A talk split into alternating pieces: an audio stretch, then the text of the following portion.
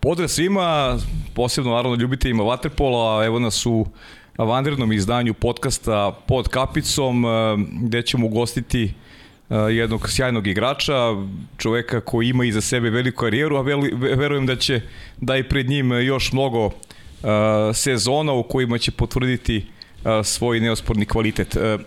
Aktualni trutak je takav da svjetsko prvenstvo je negde pri kraju u trucima kada mi snijamo ovu emisiju, tako da ćemo se osvrnuti i na, i na te teme, prozboriti o onome što nas očekuje u narodnoj takmičkoj sezoni, a vrati se i unazad gde ćemo evocirati uspone na početke e, karijere našeg e, dragog gosta. Videli ste na Instagram profilima kako mom, tako i moj dragi koleginica da je gost e, u studiju na kraju univerzuma Darko Brguljan, nekadašnji repestivac Crne Gore, E, čovjek koji je karijeru do ove sezone gradio u Vaspo Hanoveru. E, Darko, za početak e, hvala ti što si izdvojio vreme, što si na nekom proputovanju došao u Beograd i spremno se odazvao našem pozivu da da ovaj, budeš gost u studiju i da malo pričamo o tvojoj karijeri. Kako ti se dopada ovdje u studiju?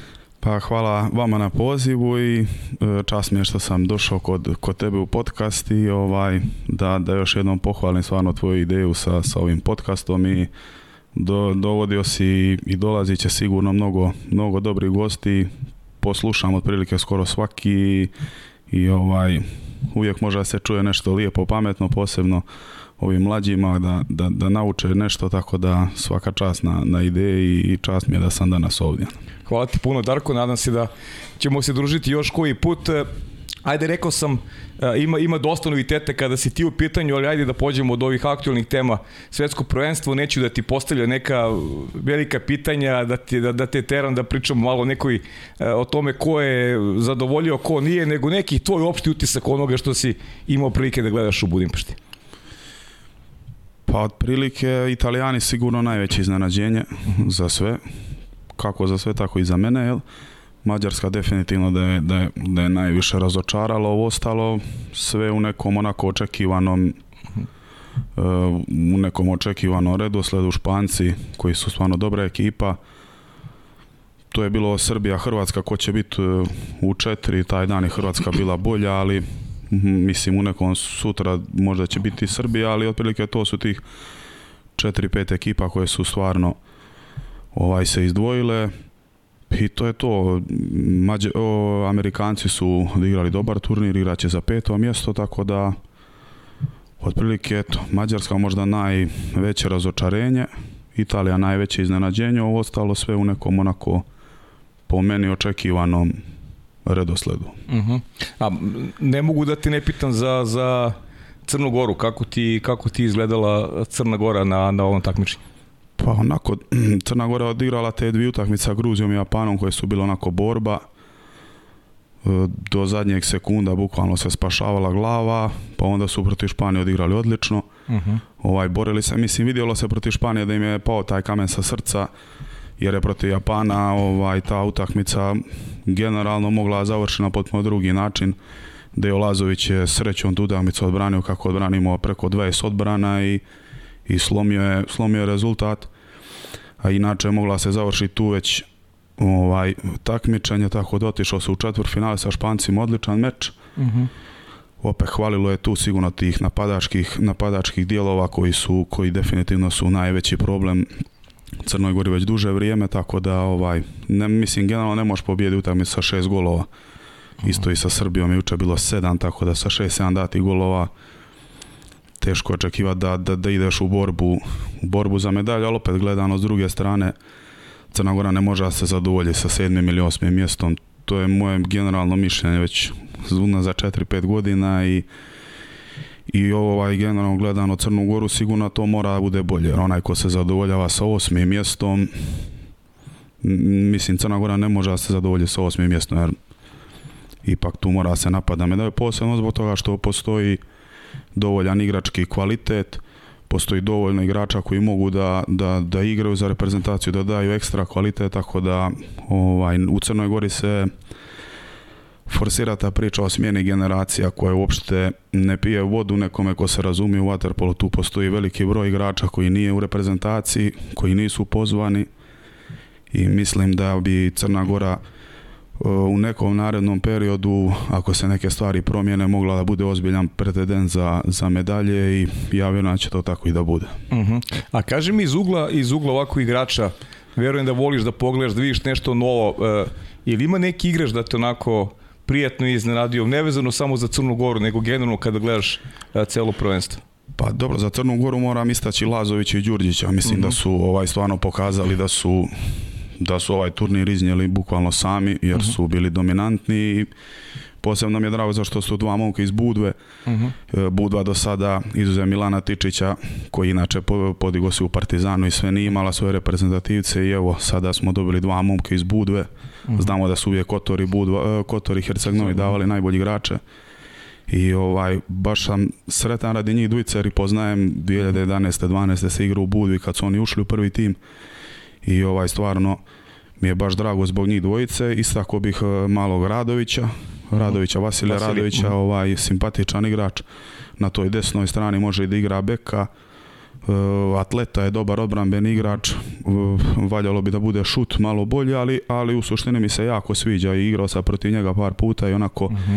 mislim da je veliki da je veliki zalog za budućnost. A ovaj što se tiče ostalih igrača, onako otprilike ja tu ističem uvijek ovu dvojicu, trojicu, to su to su Difulvio, Rašović, Granados, to su mi nekako igrači koji koji definitivno prave čini mi se razliku uvijek kad god, kad god da je potrebno, oni su, oni su tu nekako da a igri negdje, igri negdje e, tvoju poziciju, da, da, gledaš. Da, mhm. Pa mislim najviše mhm. ovaj, gledam te igrače na zgodnu stranu. Mhm. Da, da. stvarno odigrao sjajno protiv, protiv Hrvatske i veliko povećanje za, za Novi Beograd, nema dileme da. Pa možda i ključno. Možda i ključno. Za Liga šampiona. Da. A kaži mi nešto sam još što te pitam vezano za... Kako ti deluje ovaj sastav eh, Dejan Udovičić, ovaj, ovaj, američki tim? Eh, oni imaju zaista sada, mo, igrao si verujem protiv nekih od tih momaka s ozirom da čak 17 igrača američkih igra za evropske klubove, što, što nije bio ranije slučaj. Oni su ozbiljno pripremaju za 2028. Da. godinu za Los Angeles. Kakva je etika njihova, koliko napreduju, eh, kakvi su rivali u bazenu? Pa otprilike ove godine ih nisam toliko pratio, mhm. ali čim ih je Dejan Savić na, na najavi svjetskog prvenstva naveo da su u konkurenciji za, za medalju, znači da, da su ovaj sada postali već ozbiljan konkurent, iako su oni 2016. E, na olimpijskim igrama u Rio de Janeiro mi smo igrali s njim utakmicu za ulazak u grupi da uđemo u četvrtfinale. Uh Tada je srećom jedan Amerikanac napravio brutaliti i mi smo tu utakmicu, ja mislim, pobjedili 7-6 tako da, mada je to tada bila ekipa još Azevedo, Jesse Smith, Mozes i to. Da, da. Ovaj, oni opet dosta mijenjaju. Oni svake godine mijenjaju, mijenjaju ali definitivno mislim da, pa ja mislim da i do kraja ovog ciklusa da će oni da, da budu još ozbiljnija prijetnja. Za Paris. Mhm. Mislim da da. Mm Dobro, ajde, možemo da stavimo tačku na svetsko, ali ima još nešto što si, što si primetio, a da bih htio da podeliš s nama, nije, nije toliko važno, a? Ništa specijalno. Da. E, da, to, e, bravo. Pričali smo ti ja na, na, na Final 8 neću se vraćam na, na, na te stvari, ali eh, ono što je moj utisak, pošto sam bio u Budimpešti na, na eh, četiri finalu, gledao sam mer Srbije i Hrvatska, eh, mislim da su to neke stvari koje treba da, da ljudi iz Vatrpola da rade, da ne može se dogodi da u onakvim terminima stigaju igraju četiri finalni meči i svetsko prvenstvo. Ne znam kako je vama igračima kad pa igrate na 40 stepeni. Grčka, Grčka igrala u 13. u jedan, da, u jedan igrala Grčka i Amerika. Uh, sablasno prazan bazen, pritom sunce koje ne dozvoljava ljudima da gledaju kontinuitetu meč, a ambijent katastrofa. I mislim da je to nešto prosto mora da se radi na tome da ne znam šta je bio problem da se igraju četiri finala u dva dana. Pa, Ka kako vamo igračima u kad Gledano sinoć i to, polu, to polufinale koje se igralo u 4,5, uopšte ne postoji razlog da se to igra u 4,5, a da Mađari igraju u 9. Mislim Tako da je, apsolutno normalno apsolutno se polufinale igraju u zadnje dvije utakmice, a su Mađari trebali da igraju u 4,5 i ja mislim igrati i taj termin u 4,5 i težak za igru. Te 7, 7 ja ide ok već da, uh mhm. -huh. ali ovo recimo Grčka, Amerika u 1, mislim, mislim, baš je teško igra uopšte na utakmicu u jedan, no. još na otvoreno, na sunce, ali mislim, ja sam i tada rekao, mislim, da se tu ništa generalno neće specijalno mijenjati, to će biti tako kako je i i ovaj, navikli smo već na to, tako da. Pa ništa, eto, prosto ne mogu da ne kažem, jer to mi je bio utisak momenta kada sam kročio na bazen. Nisam mogu da verujem da, da neko pušta igrače i da, da hoćeš da privučeš pažnju, a da, a da te termine forsiraš za nešto. To je četiri finale svjetskog prvenstva. Zaista mi je bilo neverovatno kad sam video... Mislim, opet je to četiri utakmice. Treba ih nekako i uklopiti u nekom, mm, nekom terminu. Sad opet da se igra u dva dana, to ti opet produžava neki možda ti uzima taj dan oporavka između četvrfinala i polufinala. Ne znam da li je moguće možda napraviti to u dva dana, ali mi se opet se mora nekako odigrati, opet krenu u tri, opet moraš krenuti i igraš i u tri, u pet, u sedam, opet će nekoga u tri uhvati, tako da ovaj, jedino kažem ti, ajde, četvrfinale, taj dan se nekako, neko, neko mora da igra u tim terminima, recimo ovo polufinale, ne mogu da razumijem da su ovi igrali u četiri, u pa, pa, pa Mađari u devet, bez obzira što su domaćini i sve to, ali izgubio se igrač za peto do osmog i igraš termin kad ti sleduje. Tako je. Mislim da je to, to je jedina neka ovako malo nejasna mi stvar, ali eto. Dobro, možda nije bilo pitanje za tebe, prosto sam ja želeo da podelim evo i ovo kao, kao jedan onako kuriozitet i nešto što iz moje perspektive bi valjalo menjati za dobrog sporta i igrača i i, i, ljudi koji hoće da gledaju vaterpolu u nekim terminima koji su ovako pristupačni i koji može da dovede veći broj e, navijača na utakmicu. Ajmo mi da se vratimo ovim klubskim temama, pre nego što se vratimo na početak tvoje karijere, e, tebi se dogodilo nešto veliko ovog leta, u stvari sam si izabrao, predelio si da napustiš Hanover i preselio si se u Rijeku, postao si član Primorja koje je ne tako davno e, bio klub i sa onako najvećim rezultatima u Evropi. Kako se dogodila ta promena, zašto si izabrao Primorje i da čujemo o tebe iz prve ruke?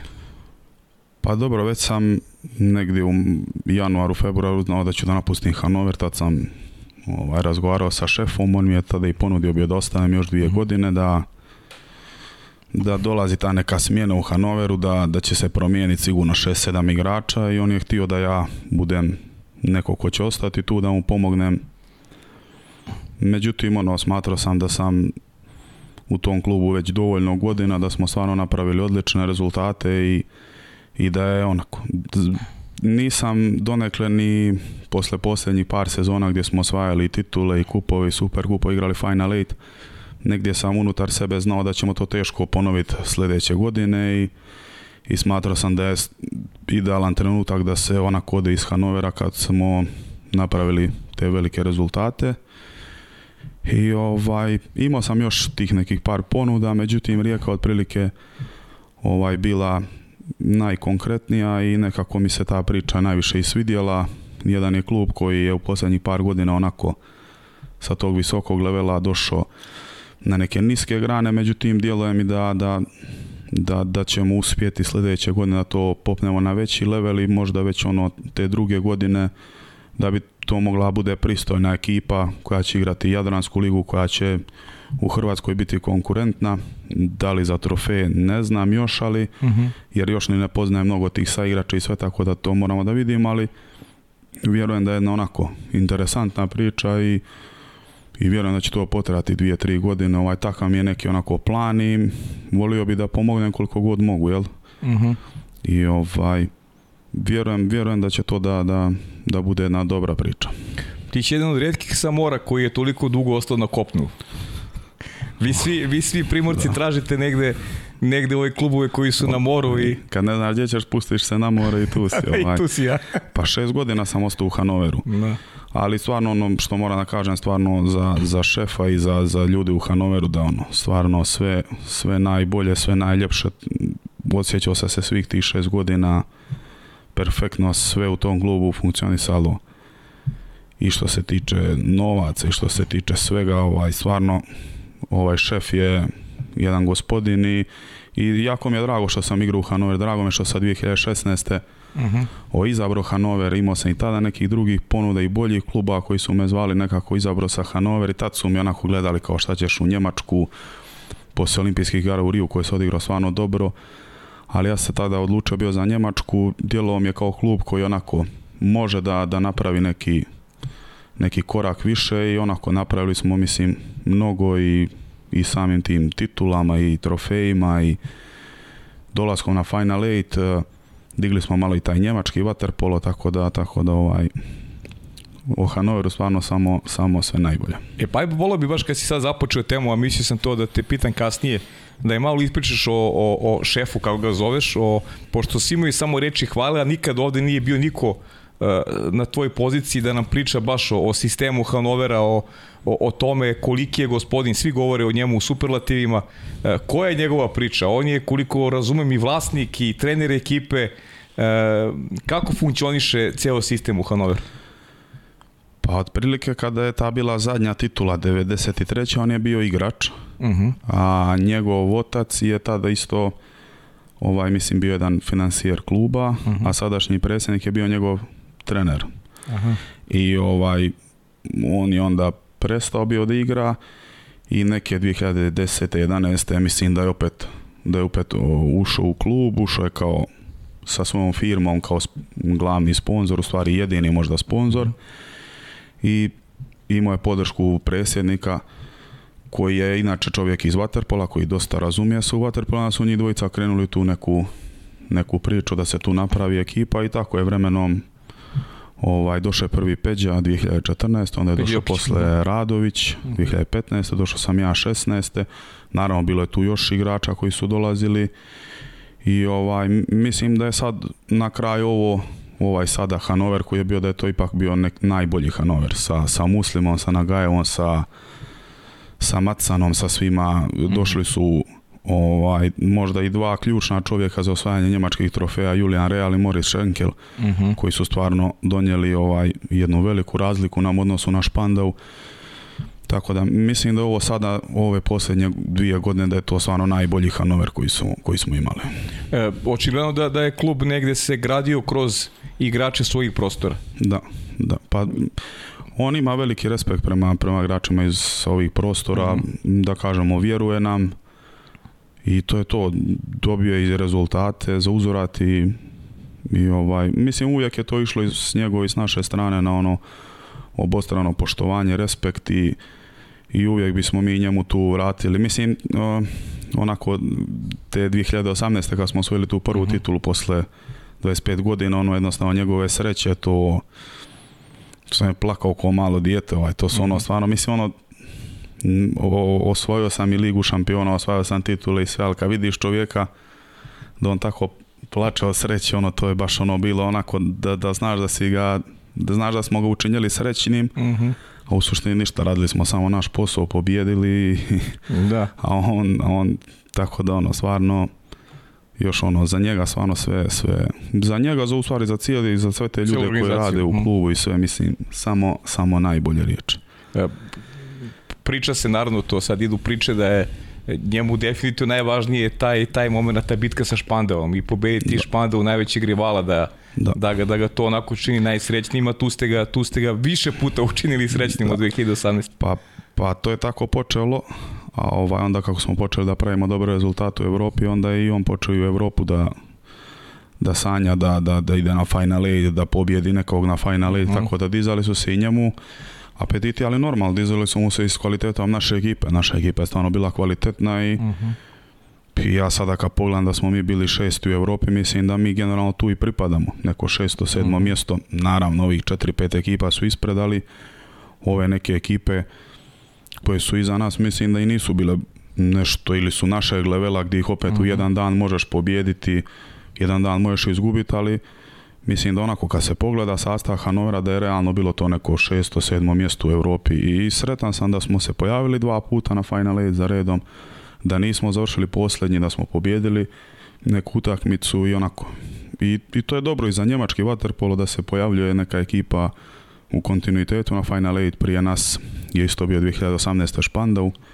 2019. smo mi bili ali kao organizatori dobili smo taj wild card pa smo učestvovali mhm.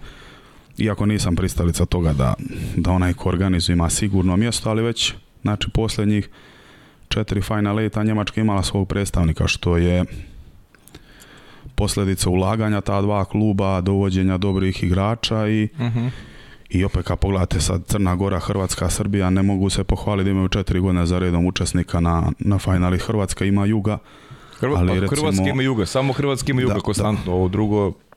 Ne, jer kad pogledate sad isto te rezultate posljednjih par godina Hanovera i u Europi i sve, malo se i ekipa sa, sa Balkana može pohvaliti da je sem Juga da je imala nešto više od Hanovera.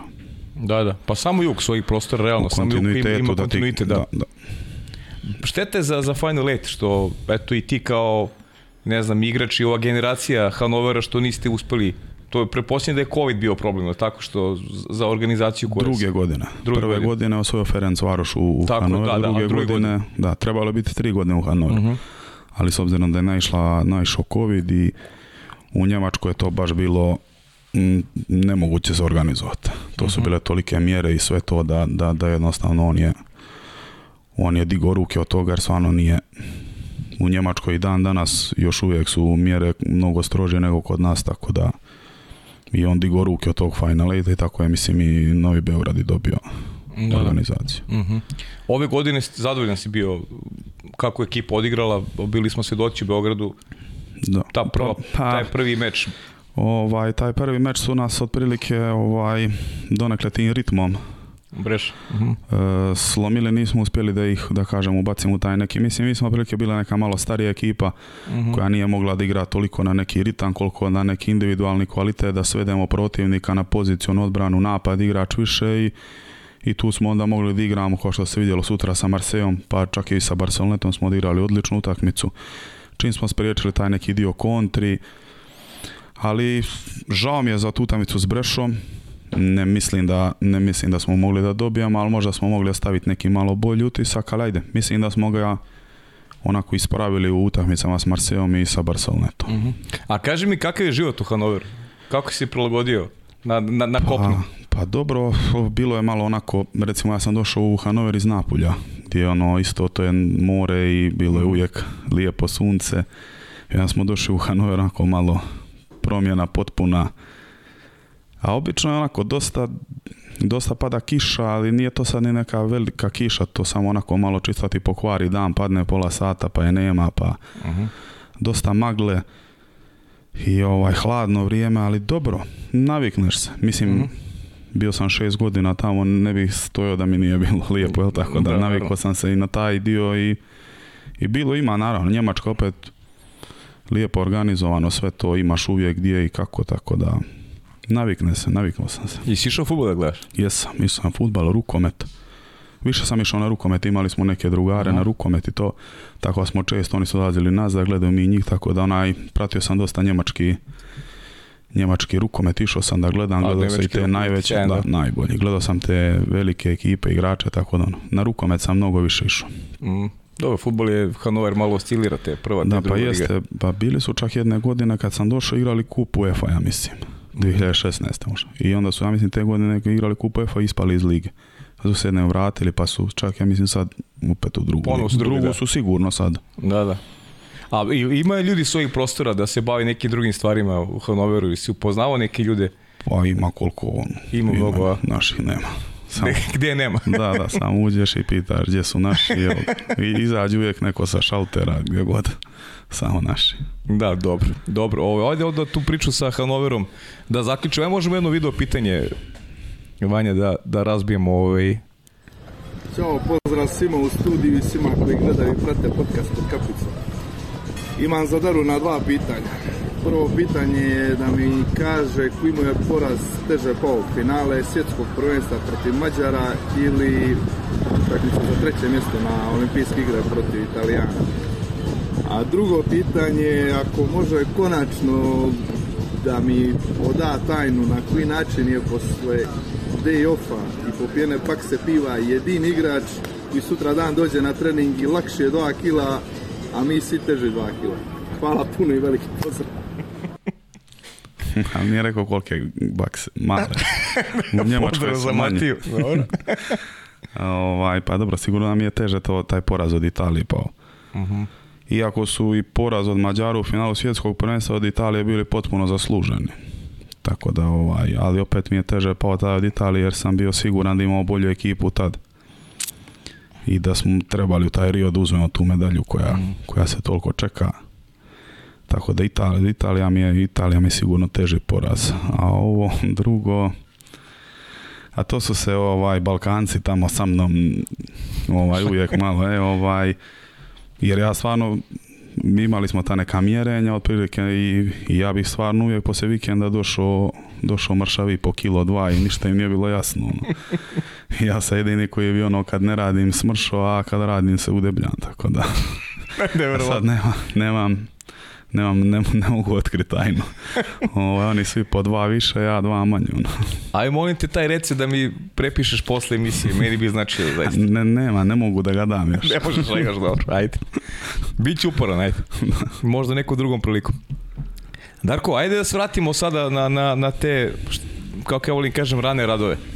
E, ti si onako iz porodice koja je nekako usmerena ka vaterpolu, pa ako postoji neko za koga nije čudo što se bavi ovim sportom, onda si to svako tipa i, i tvoj brat Matija. Pa ajde malo da nam ispričaš o tom, da kažem, porodičnom stablu i, ovaj, i da se posjetiš tih, tih nekih početaka kad je u ovoj igru u pa dobro, moj otac je bio ovaj sudija, sada je delegat. Mario, da? Da, da, ovaj Draško Rođak, eh, Ugljaša isto bio golman, Ehm, on je sada trener mlađih kategorije u Primorca. Pa ja sam ono uz Marija non stop bio kao dijete na, na bazen mhm.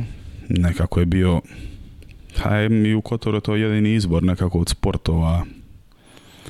Tako da bazen je bio neki izbor i provodio se ja kao dijete puno vremena na bazen i, i onaj, tako znao sam da će taj waterpolo biti neki moj izbor i, i to je počelo uz neko društvo sa Prčanja uh -huh. nas par je ovaj išlo na treninge i onako bilo je to jedno dobro, dobro društvo ti počeci opet lijepo imali smo i tada kao djeca sa deseta godina isto jednu lijepu generaciju koja je posle tih dosta momaka bila juniorski prvak Evrope e, Radošević, Paunović, Čučković, Gopčević, ja, uh Đurović, bilo je tu stvarno mnogo tih momaka s kojima sam počeo sa 7-8 godina treniram, a posle smo sa 17-18 bili juniorski prvaci Europe, tako da ali otprilike je bilo onako očekivano da, da, da ću ići na Waterpolo i, i to je to. Mm.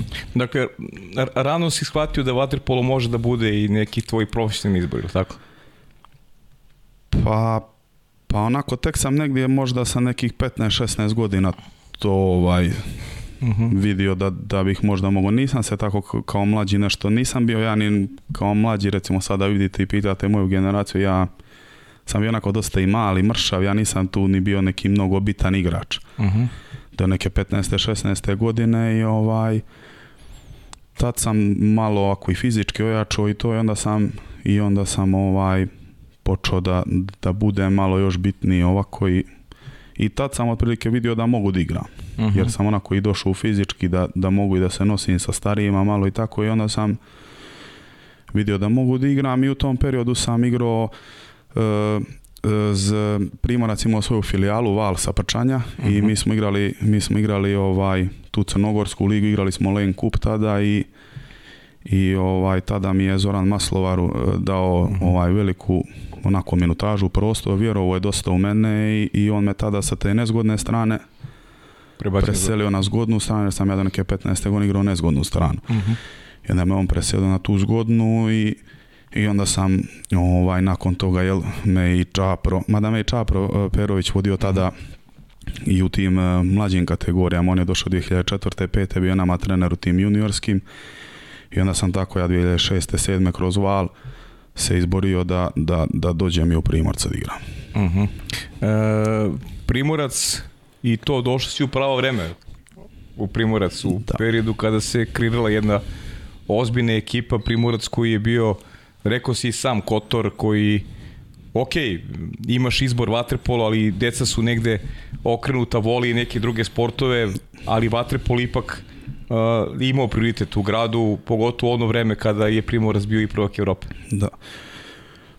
Pa, mislim, igrati sa, sa tom ekipom, sa, sa tim moncima i, i, sa Primorcem, svoj, sa svojim klubom, mhm. Ligu šampiona je nešto što je mm, onako, stvarno ne, neopisivo jednostavno posebno u Kotor gdje, gdje ti ljudi stvarno žive za Waterpolo i tada biti igrač Primorca tih godina je bilo bila nevjerojatna čast i te rezultate koje smo mi pravili i mislim to je bilo stvarno nevjerojatno naravno bili su tu i vrhunski stranci koji su donijeli svoj kvalitet međutim ja uvijek ističem te momke iz Kotora koji su od Zdravka i Zdravka Radiće, Nebojša Milić, pa Toni Petrović, Damir Crpulja, Boki Milošević, E, Draško Vijeko, Dragan Drašković, Uro Čučković, to su momci koji su tih 3-4 godine odigrali nevjerovatne sezone i, i mi smo dva puta igrali final Lige šampiona i, i, i Čapro je to vodio na, na taj način nevjerovatan, isto imali smo podršku uvijek u gradu i, i, i, stvarno mislim da je to onako najbolja ekipa, najbolja ekipa u globalu, igrački, atmosfera i sve mhm. u kojoj sam igrao. Pa je malo da se tvoj je podcast. E, imaš pravo da, da kažeš šta god hoćeš, da, da nam eto, podsjetiš na, na to finale. Mislim da, da mi još niko nije bio ovde koji je bio učesnik e, tog finala i se ja možda zaboravio. Nije sad toliko ni važno, ali da me pol postiš i tog rivalstva. Jadran je također u to vreme imao sjajnu ekipu. Bili ste veliki rivali Jadran koji nije bio prvak Evrope, a imali su ozbiljne ambicije, možda čak i skuplji tim u odnosu na Primorac, ajde sada da ne ulazimo u te detalje, nije ni važno, ali ajde malo ta, ta, ta atmosfera koja je bila generalno u crnogorskom vaterpolu Kataro koji je osvojio Len Kup, dakle najbolji vaterpolo se klubski u to vrijeme igrao u Crnoj Gori i e, kako si ti to sve deživo i ti si tu odrastao kao igrač, e, skupio neka lepa iskustva i kruna svega e, to finale, pa da. raširi priču. Pa, dobro si rekao, te dvije, te dvije godine smo mi otišli na Final preko Jadrana iz Herceg Novoga mhm. i ovaj stvarno te ta dva četvr finala, to dvije godine, to je bilo ne, nevjerovatno i utakmice i u Kotori, u Hercegnovi, iako smo druge godine ih mi dosta lagano pobjedili, mislim 4-5 mhm. golova je bilo u Hercegnovi, 4-5 u Kotora, mhm. recimo ta atmosfera u Kotoru, u revanšu, to je bilo nešto ono, ne, nevjerovatno kažem. Prve godine smo odigrali kući neriješeno, i onda smo ih izbacili u Herceg-Novi isto. Tako da, da uspjeli smo te dvije godine onako da Jadranu zadamo ozbiljan, ozbiljan udarac jer mislim to je to rivalstvo tada sada kad gledam to isto nije bilo onako normalno. To, to je baš onako to je bilo, ma, pa to je prešlo čak, vjerujte mi, mislim da je to išlo u level ono mržnje, bukvalno. Da mhm. je to, to, to prelazilo neke normalne granice Sada iz ove perspektive kad gledam, kad se sjetim svih tih onako i stvari i prije utakmice i posle utakmice i i kakvih je tu bilo i duela i, svega i da, da poslije ti s tim ljudima igraš u reprezentaciji, to, to je baš onako bilo jedno rivalstvo koje je nažalost prešlo neke, po mom mišljenju, neke granice normalnog, ali dobro, to je to, tako nosi, takav je bio trenutak, naboj i mhm. sve to, tako da ovaj, pa otprilike mislim, sr baš mi je onako drago bilo tada kad smo ih ova puta izbacili, jer naravno Jadran je sigurno moj lično najveći protivnik u karijeri kojeg si imao i najljepše mi i najdraže mi je povijeti Jadrana. Aha, jasno. To mislim, pa tako smo mi uzgajani, oni su uzgajani da pobjede. Ko Partizan Zvezda ovdje? Pa, otprilike, mislim, i isto skoro. Isto skoro, Pa isto, nešto. Sjajno, a kaži mi ovaj, to finale, kako sećaš tog finala? I, i trofeje i kasnijeg dočeka u Kotoru oh, i... Da, da, da. Pa jese i taj doček u Kotori. Pa bili smo zaustavljani, mi smo slećali u Dubrovnik i ovaj bili smo zaustavljani i u Hercegnovi i u Bijelu i zaustavljali su nas e, dijelili baklje, zaustavljali put ono kasnili smo, ja mislim na doček sigurno dva sata, nije mogao bus da priđe ono na, na Riju uopšte koliko je tu bilo ljudi, tako da pa dobro, Kotorani vole vaterpolo i, i jednostavno tada je posebno bilo jer sa svim tim rezultatima bukvalno cijeli Kotor je živio, jel? Tako da, kažem, tada stvarno biti igrač Primorca je bilo velika čast, ali i obaveza, jel? Nosilo i to neke svoje stvari druge, tako da, ali Kotorani uvijek znaju da, da, da cijene taj waterpolo i vole waterpolo, tako da ono, što je sada trenutna situacija onako dosta loša i da, da je Primorac recimo klub koji i osvojio zadnju titulu upravo mislim 2008. 9. Da. kad smo zadnji put bili mi prvaci, a primac poslije toga nije ni bio više prvak u jednoj konkurenciji sa tri kluba da su dozvolili da 15, 10-12 godina, već 15 skoro nemaju titulu, to je nešto što je ne mogu, neprihvatljivo.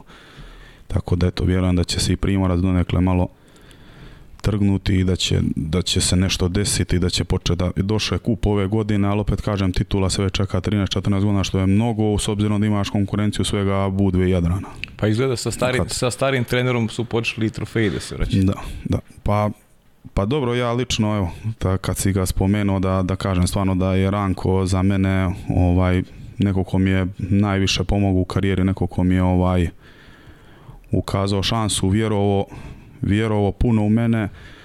Ovaj, naš odnos konač zna, zna da uvijek bi onako, mi smo znali da se zakačimo i sve to, ali, ali jednostavno uvijek sam kod njega volio to što je bio iskren. Mhm. Uvijek bi ti rekao onako to što misli i nije tu bilo onako pakovanja, nije čekao da pogriješiš pa da ti za mjesec dana nešto onako nabije na nos, nego je on to direktno. onako, da, da, direktno, bez bez avijanja i, i, i ono što sam znao da popriča znao da popriča s tobom, da te savjetuje, da onako da ti bio odličan je motivator, zna uvijek da izvuče iz ekipe 100%, da, da, da, ta ekipa za njega gine i, i stvarno mi je ovaj, on nekako trener koji mi je najviše, najviše dao u karijeri i najviše mi je pomogao. Ali eto vidiš, e, pričamo o trofejima, e, Primorac sada ima, ima bazen, što je opet bitna stvar, Kotor ima bazen, e, nije bilo lako ovim generacijama posle tebe da se snalaze sa trenizima, idi putuj po drugim gradovima, ja znam ovde ima recimo Valis, u Valji ima tu vrstu problema, nemaju svoj bazen, imaju dva kluba, nemaju svoj bazen zimi, nemaju gde da treniraju i to su ozbiljni problemi, bez ozira što su, ne znam, destinacije gde treniraš blizu, treba tu decu da nateraš, da idu dva put dnevno negdje izvan svog grada treniraju, ali evo viš iz Primorca, Granado, Granados je otišao u, u Novi Beograd, a iz Primorca momak je otišao da, da popuni mesto Granadas. Znači da, ima talenata u Kotoru. Pa ne, tu nema dileme što se Kotora tiče, tu ima talenata po meni koliko hoćeš. Samo što je poenta da je za tih pet godina što se tiče prvog tima nije tu mnogo, prvi tim je prvi tim uvijek, ali najviše izgubljeno u radu s mladima. Uh Gdje su te generacije svedene na par desetak djece, gdje je znalo biti 20-25 djece, sad ih je po 7-8 u toj generaciji. Mhm. I to je ono što je neka neki problem za budućnost. Što se tiče prvog tima, prvi tim je ide na trening, da li ide 15 km ili 5, ide na trening, Tako jel? Da. Tako da prvi tim je najmanji problem koliko su problem tih pet godina što bazen nije funkcionisao za mlađe kategorije neki zalog za budućnost jer jednostavno nije isto ako imaš 20 djece ili 10 mnogo je manja šansa da će izaći više igrača tako da ali vjerujem, vjerujem da i taj bazen i da će to da, vjerujem da će za, kroz godinu, dvije da će to da bude da će Primorac uspjeti da, da, da se trgne i da, da bude bolji klub. Uh šta još pamtiš iz tog periodu u Primorcu? Ajde, što te, što te nisam pitao, pričali smo o evropskim trofejima, o evropskom trofeju, tačnije, to je tim bitkama s Jadrom i s Novog. Ima još nešto što ti onako drago kada se prisjetiš tog perioda početaka i, i, i stasavanja u prvom timu Kotorskog kluba? neki trofej, možda neki detalj. Ko ti idol bio? Pa, ovaj... Pa imao sam recimo to, ajde u Primorca, imao sam čast digna sa Azevedom. Mhm, -huh, ovaj, recimo mhm. to mi je Iako sam da kažem već nekako sa 12-13 godina ja počeo da pratim te igrače i tad sam već Azeveda Azeveda i Perone nekako gledao kao, kao neke onako igrače koji da kažem od kojih mogu nešto da, da možda naučim. Uh -huh. A mislim tad igrao u Kremoni bio tada nešto četvr, treća, četvrta, Perona ja sam gledao isto Len Kup neke utakmice, on sjećam ga se posu u Savonu kad je bio tad i otprilike sam onako gledao sam otprilike igrače koji su fizički, da kažem, nekako slični, slični meni od kojih mogu da, mislim, mi smo se kao djeca onaj podizali, bili su Šapić, Kašaš, e, mislim, ti možeš da gledaš i Šapića i Kašaš, ali e, mislim, realno je da, da je Kašaš Kašaš i ne možeš. Mhm. Šapić je takav kakav je i nema jedan i nema ga više. Mhm.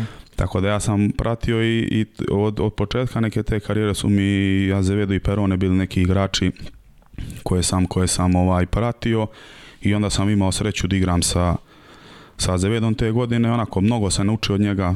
Tek sad u suštini neke stvari koje mi je tada objašnjavao kako on to priprema utakmicu, kako on to pripremao protivnika, skenirao, ovaj se brani ovako, onaj se brani ovako, njega ćemo tu, ovoga ćemo na drugu stranu. Jer mislim, bilo je teško tada, imali ste samo u, samo u Crnu Goru, ste imali Budu recimo igrali su Petar, Trbović i Ćirić, e, na desnu stranu dva, mhm najbolja defanzivca sigurno, pa imali ste u Jadrana Radovića i Gojkovića, imali ste u u Kataru je bio Aljoša Kuna, Žanetić, pa kad gledamo dalje kroz tu Jadransku ligu, Rijeka je bila Franković, Varga, e, mhm. Jug, Bošković, Joković, Vranješ, pa imali smo Mladosa, Herceg, Vrdoljak. Zapamtio sam sva ta imena, zašto je on to tako sve, on je to sve malo, i onda je on tu pripremo nas, tako, tako idemo i, i, ovaj stvarno, ko ovaj, vidim koliko u suštini je taj čovjek stvarno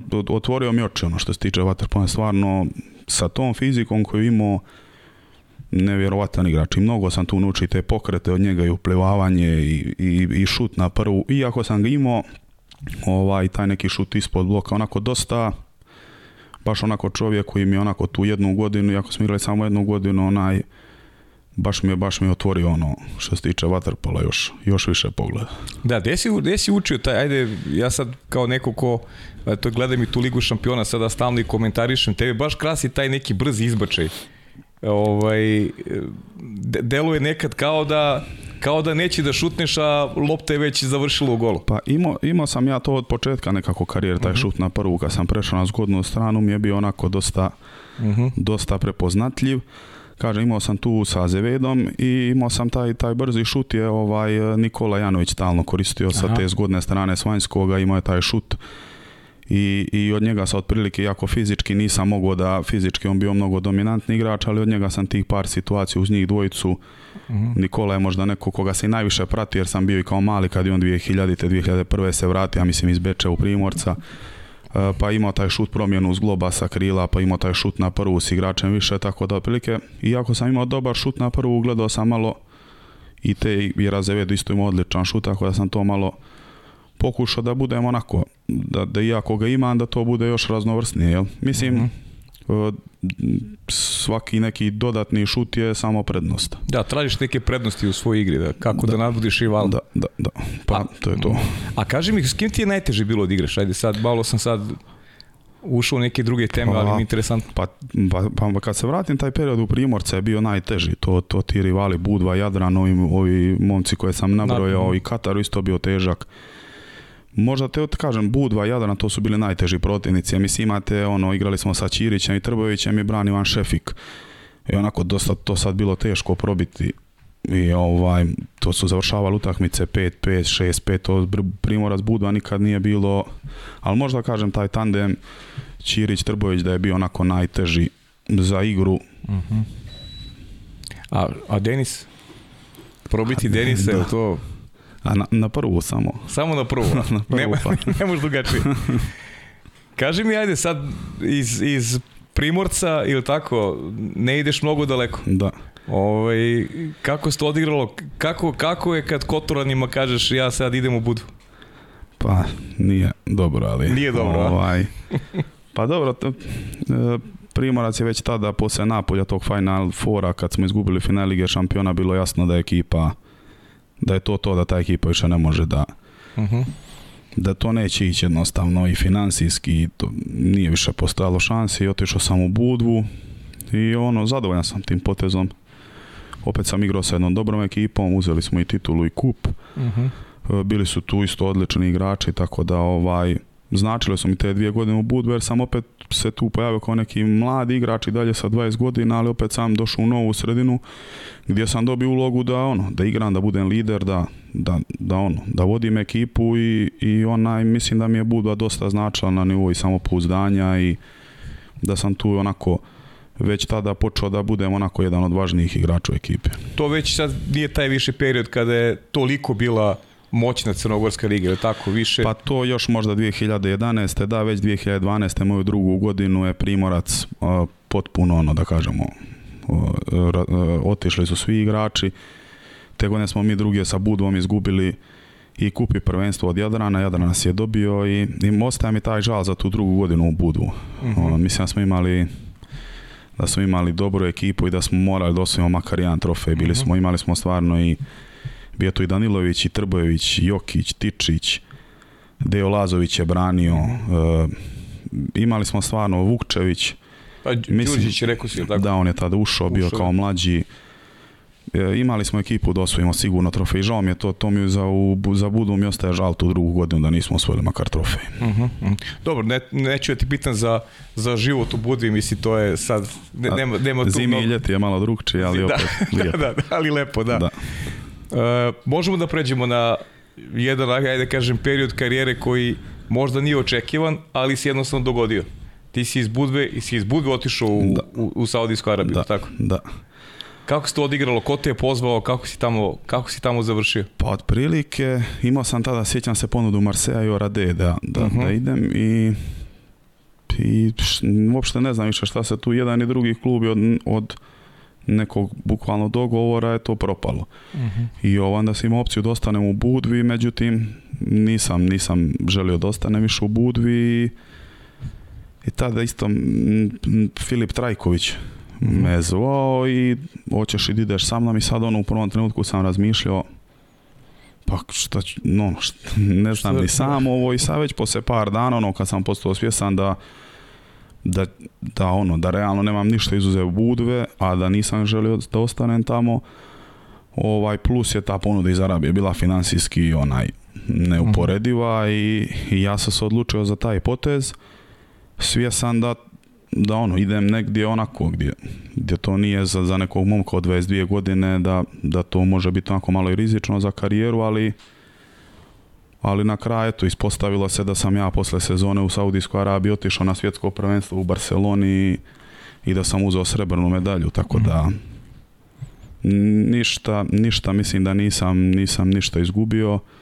Ovaj, kažem, taj period u Saudijskoj Arabiji bio sam sa, sa Filipom Trajkovićem, bio sam sa Ivanom Borovićem koji je bio fizioterapeut, mhm. trener nam je bio Vlado Bajković koji je bio selektor žena Srbije. Mhm.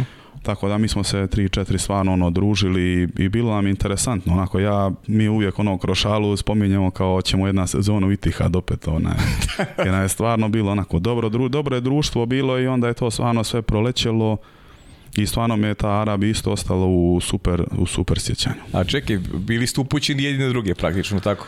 Pa ja koliko znam iz iskustva ljudi koji su tamo radili... Da, da, pa mislim to je to, moraš da funkcionišeš nas 3-4, ako, ako nas 2-3 ne funkcionišemo, onda ti to postane noćna mora. Mhm. Ali kažem, mi smo se stvarno 3-4 super družili i to je meni stvarno jedno super iskustvo. Baš super i ovo, mi stalno imamo te i dalje slike i to, pa stalno gledamo, išli smo plaže, 15. januara mi se kupamo 35 stepen idemo. pa da. Mislim, meni, meni isto jedno, jedno i drago mi ja sam pošao. Drago mi je što sam pošao i, i financijski sam lijepo prošao i nije me u karijeri ništa koštalo. A dobro, i si ti trenirao tamo normalno, ono, kako se trenira, da, dva da. dnevno? Ne tamo smo trenirali jedno dnevno. Jedno dnevno. A, a ekipa trenirala? Pa ekipa bi, kad bi ko tu se pojavio. Generalno ja i Filip smo trenirali i imalo je tu njih par koji su bili redovni, par koji nisu, ali mhm. mislim nije to, nije to level ni približno nekom ovome. Da, da, oni popun drugačije žive i nisu, u stvari nisu ni pa pravi pa dobro, oni su, oni nema, mislim, oni jutro rade i to je to. Da, da, da. Dođu posle, posla na trening. Na trening. A, a rezultat? Pa mi smo te godine izgubili kup na go razliku, Aha. a prvenstvo smo prvenstvo smo istupili, neki se, nešto se desilo, bila neka tuča, sjećam se po sutakmice. I valjda je federacija kaznila naša 3-4 igrača i klub je povukao ekipu iz takmičenja. Tako da mhm. prvenstvo nismo ni završili. Igrali smo te azijske igre, su bile e, Final Eight azijskih igara, tu smo izgubili od ove Astane kazahstanske ekipe finale, ma dobro, oni su već tad imali i ove Ruse i, mm-hmm. i do, 4 Rusa, tako da smo to generalno ono, izgubili to finale, ali to je bila stvarno bolja ekipa. Da, a kaži mi kako jedan 22-godišnjak koji prvi put e, odlazi da igra vaterpolo izvan svoje zemlje, odlazi u Saudijsku Arabiju, kako je za tebe to onako kulturološki izgledalo? Kako si se adaptirao na život koji je popuno drugačiji od onoga, od onoga što si ti do tada živeo? Pa možda mi je i bolje da odmah bila Saudijska Arabija nego da sam prvo igrao recimo u Italiji, Njemačkoj, pa ja mhm. sam onda pošao u Arabiju. Neka, uspio sam ja to dosta dobro da da se kažem, društvo mi je, društvo je bilo mhm. dosta dobro i uspjeli smo ono, Filip je već igrao tamo godinu, znao je dosta toga šta kako i ono, navikao sam se, mislio sam kako će to da bude i sve, ali opet neka nova kultura, neki novi svijet i onako lijepo iskustvo. Meni mhm. stvarno baš onako lijepo mhm. iskustvo. Mm -hmm. Ali ima neke epizode koje se najradije sećaš ovih? A ima sam, s nama. Ma doma sa, sa, sa Trajkovićem i Borovićem je tu uvijek bilo, mhm. mislim ono, nama je tu bilo najteže dan da ono, da ubijemo, tako da je tu stalno bilo ono, Aha. bilo je, bilo je non stop nekih. Neki pošalica. Dobro. Ajde, neću da ti teram da se sad da izločiš iz malog mozga. Ako budeš, ako budeš poželeo, rekao sam ti tvoja emisija, pa, pa, ovaj, se, pa se podsjeti toga. E, nakon e, što si završio sa Saudijskom Arabijom, e, počeo si da, naravno, pričat ćemo kasnije reprezentaciji, vratiš se u Evropu i ideš u Napolje. Da. Tako, je klub koji te Kanotiri, zvao. Da. I si imaš neke ponude u to vreme ili je... Imao sam Akvakjara, Akvakjara mm. isto iz Napolje i Kanotiri. Mm je tada ušao tek u prvu ligu. Mm -hmm. je bila već treća, četvrta ekipa i otprilike m, mm, opet ne znam sad ni kako sam se slomio da bude to Kanotiri jer je bilo generalno i neka slabija ekipa i sve, ali otprilike to su bili sve neki mlađi igrači, tada je Veloto imao 17-18 godina, otprilike ta neka generacija, oni su uh mhm. -huh. tek ušli i tu je bio jedan od iskusnih igrača Bono Kore. Mhm. I ovaj, znam da sam ono se pojavio tamo, imao sam 22-3 godine, a ono najstariji sam bio i, i tada ovaj trener Paolo Ziza što je bio selektor žene Italije me zvao sa strane jer je tad došli i Baraldi i ovaj zvao nas je sa strane sa, sa Koreom i ono sjećam se prvi drugi dan da mi ako još nisam tu talijanski dobro pričao rekao evo ekipa je vaša, moramo da se, kao te prve godine je bio cilj da se spasimo. Mhm. I ono kao moramo da se spasimo, sad što, kako, to je vaše, ti si stranac, golovi, Baraldi ti to, Bonokore ti, i ova djeca morate ih trpjeti i, i stvarno je, smo igrali odlično i te sve tri godine. Mi smo čak tu moju posljednju godinu igrali polufinale Skudeta.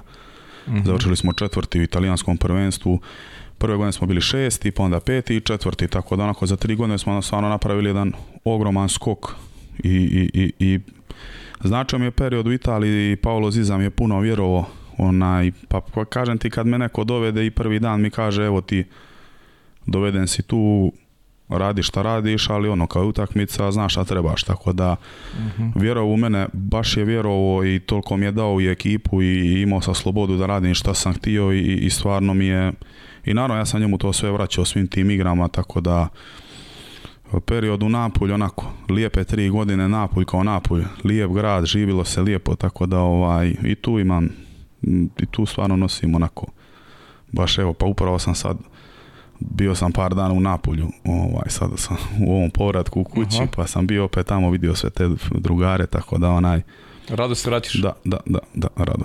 Aha. A kaži mi taj, eto, taj život, mada ovo mi je interesantno što si rekao trener, to je mnogo bitna stvar kad nađeš konekciju sa trenerom, kad, mm. kad to on osti, kad prepozna ono pa što ti da, možda mu daš. Mislim, kad ti vjeruje. Kad ti vjeruje, tako je. Mislim, kad ti vjeruje, naravno, sada moraš da znaš koliko i uzimaš, Jasno. Da, da, da možeš da, da vratiš, jel nisam sad ni pristalica, ti trener da, šta, da ti radiš baš šta hoćeš. Naravno. Ali jednostavno kad ti trener da tu slobodu i kad ti vjeruje, ovaj, meni to makar mnogo pomagalo mi jer osjećao sam se važnim i to je ono što kad igram naj, najbolje. Mhm. A Napulj, život. Napoli, napolitanci. Napolitanci, Napoli, futbal. Verujem da si na futbol, da. ovaj, ma da, ma, maludaci to što se tiče futbala i to ni, nisam nikad vidio. Mislim da su tada osvojili jedan kup protiv Fiorentine, bili u Rim. Mhm. Mislim baš kad je Maradona zadnji put bio da je to, to je bio spektakl u napolji I uzeli su jedan super kup, igralo se negdje u arapske zemlje, u Dubaji ili možda u Arabiju, baš u Džedu, nisam siguran. Mhm to, to se nije spalo cijelu to je do 5-6 ujutro motori, sviralo se vatromet i on, mislim dobro, oni generalno mrze Juventus, onda još kad su vrti Juventus uzeli, da. Ovaj, to je bilo, ali su ono, to kad igraju, kad igra Napulj, to je ono, ludilo. Iako onako spremni su i da ono, kritike, to treneri, igrači, nema ono, jedan dan je ovaj bog, drugi dan.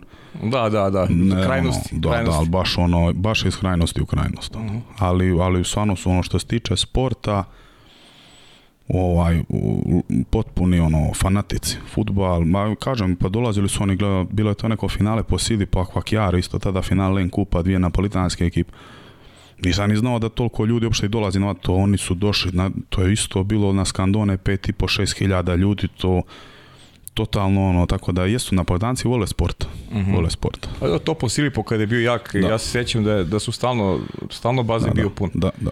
Ima sjećam se kad sam ja, mislim ja sam tada još bio mali, ali sjećam se da sam gledao te utakmice, po Silipo je tada i osvojio ligu šampiona, jest, mislim, jest. protiv Honveda. 2005. možda, mislim da su igrali Boris, Vanja. Mm Ali po Silipu ima najveću, ajde da kažem, tu neku navijačku bazu i da. U, da. Napolju, da. tako? je sigurno. Mhm. Iako je okej, okay, Kanotier je Kanotir je stariji klub mhm. ovaj, koji, ima, koji je cijeli, e, su povezani sa svim vodenim sportovima i plivanje i kanu i to je Čirkolo cijeli i on je ovaj mhm. i bilo uvijek tu mnogo i imao i Kanotir i ogromnu, ogromnu podršku isto. Da, da oni plivanje polažu mnogo. Pa mislim da je ovaj 2019 da ovaj momak iz Kanoterija bio, ne mislim, no sam siguran, sam culo da je bio prvak svijeta 2019. Da, da. Evo vidim sad Italijani na svjetskom prvenstvu Opet od evropskih zemalja imaju najviše vidio zlatnih vidio medalja. Da. Ali ovaj momak je sigurno s našeg Čirkola bio prvak svijeta. Aha, aha. Tako da taj, taj Čirkol je ono baš lijep, lijep i napravljen i i svi su tu vodeni sportovi, ima tu i oni gliseri, ima baš, baš onaj ima mnogo, mnogo ovih članova i samo da se ti članovi što bi se pojavili na bazi empatije već dovoljno. Da, a i život ovako prelep Italija. Dobar, dobar, da. lijep. Mislim, lijep, dušu, ono. Ja volim, ne znam da li čita, ja volim neki napolitanski pisce, zaista, oni su baš nekako specifični. Ma drugčiji su, nema oni nekako ono, napolitanci su nekako, oni to vole da kaže, država za sebe i mhm. Mislim, ono, ti s njima kad putuješ na sjever, mi smo doživljavali one neprijatne neke situacije, ono, pa da nas gore, da, da, znali su nas gore Milana i to, znali su ono kad, kad oni pričaju napolitanski, ono, pa imali smo jednu dvije situacije stvarno na aerodrome gdje su nas ono ljudi izvrijeđali, ono, ali mislim ono, ali ovi ima, Onako, njima, pa ne, ovi su nešto provocirali, ovih malih i uvijek bilo, oni bi nešto tu dobacivali, ovo ono i sve na napolitanski.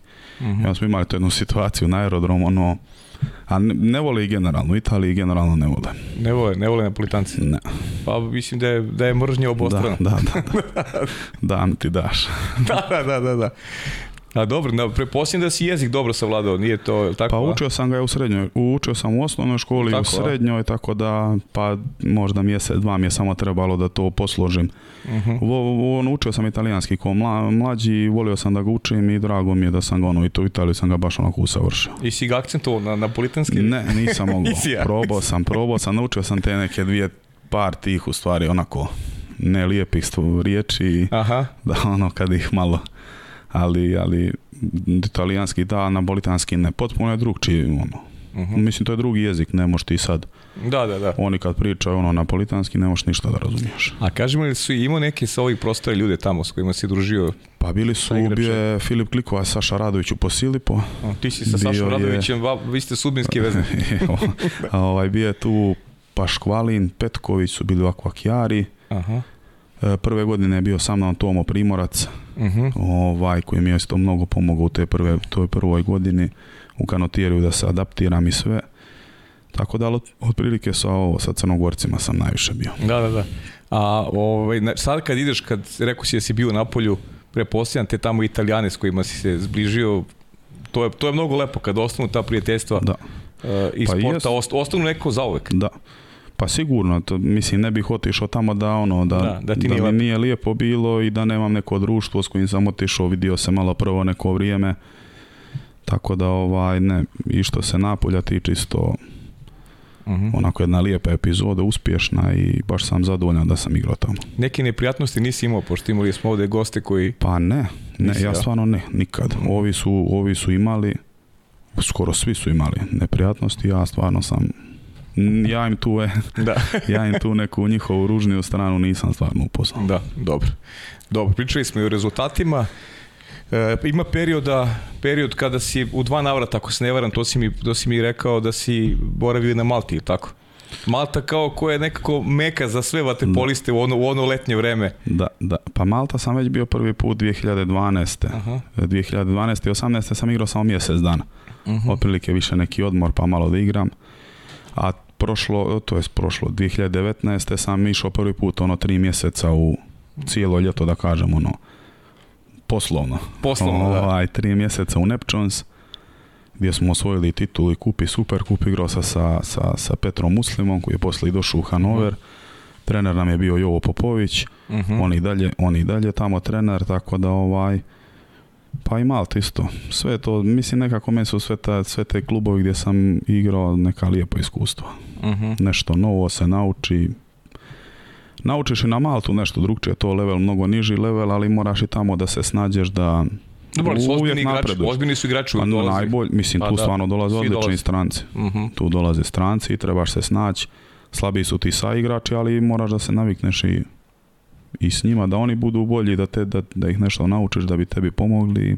Mhm, mhm. Ali lijepo, interesantno. Ma mislim, svi koji su probali Maltu sigurno pričaju sve najbolje, tako da. Da, da, da. Lepo iskustvo. Da, potpuno.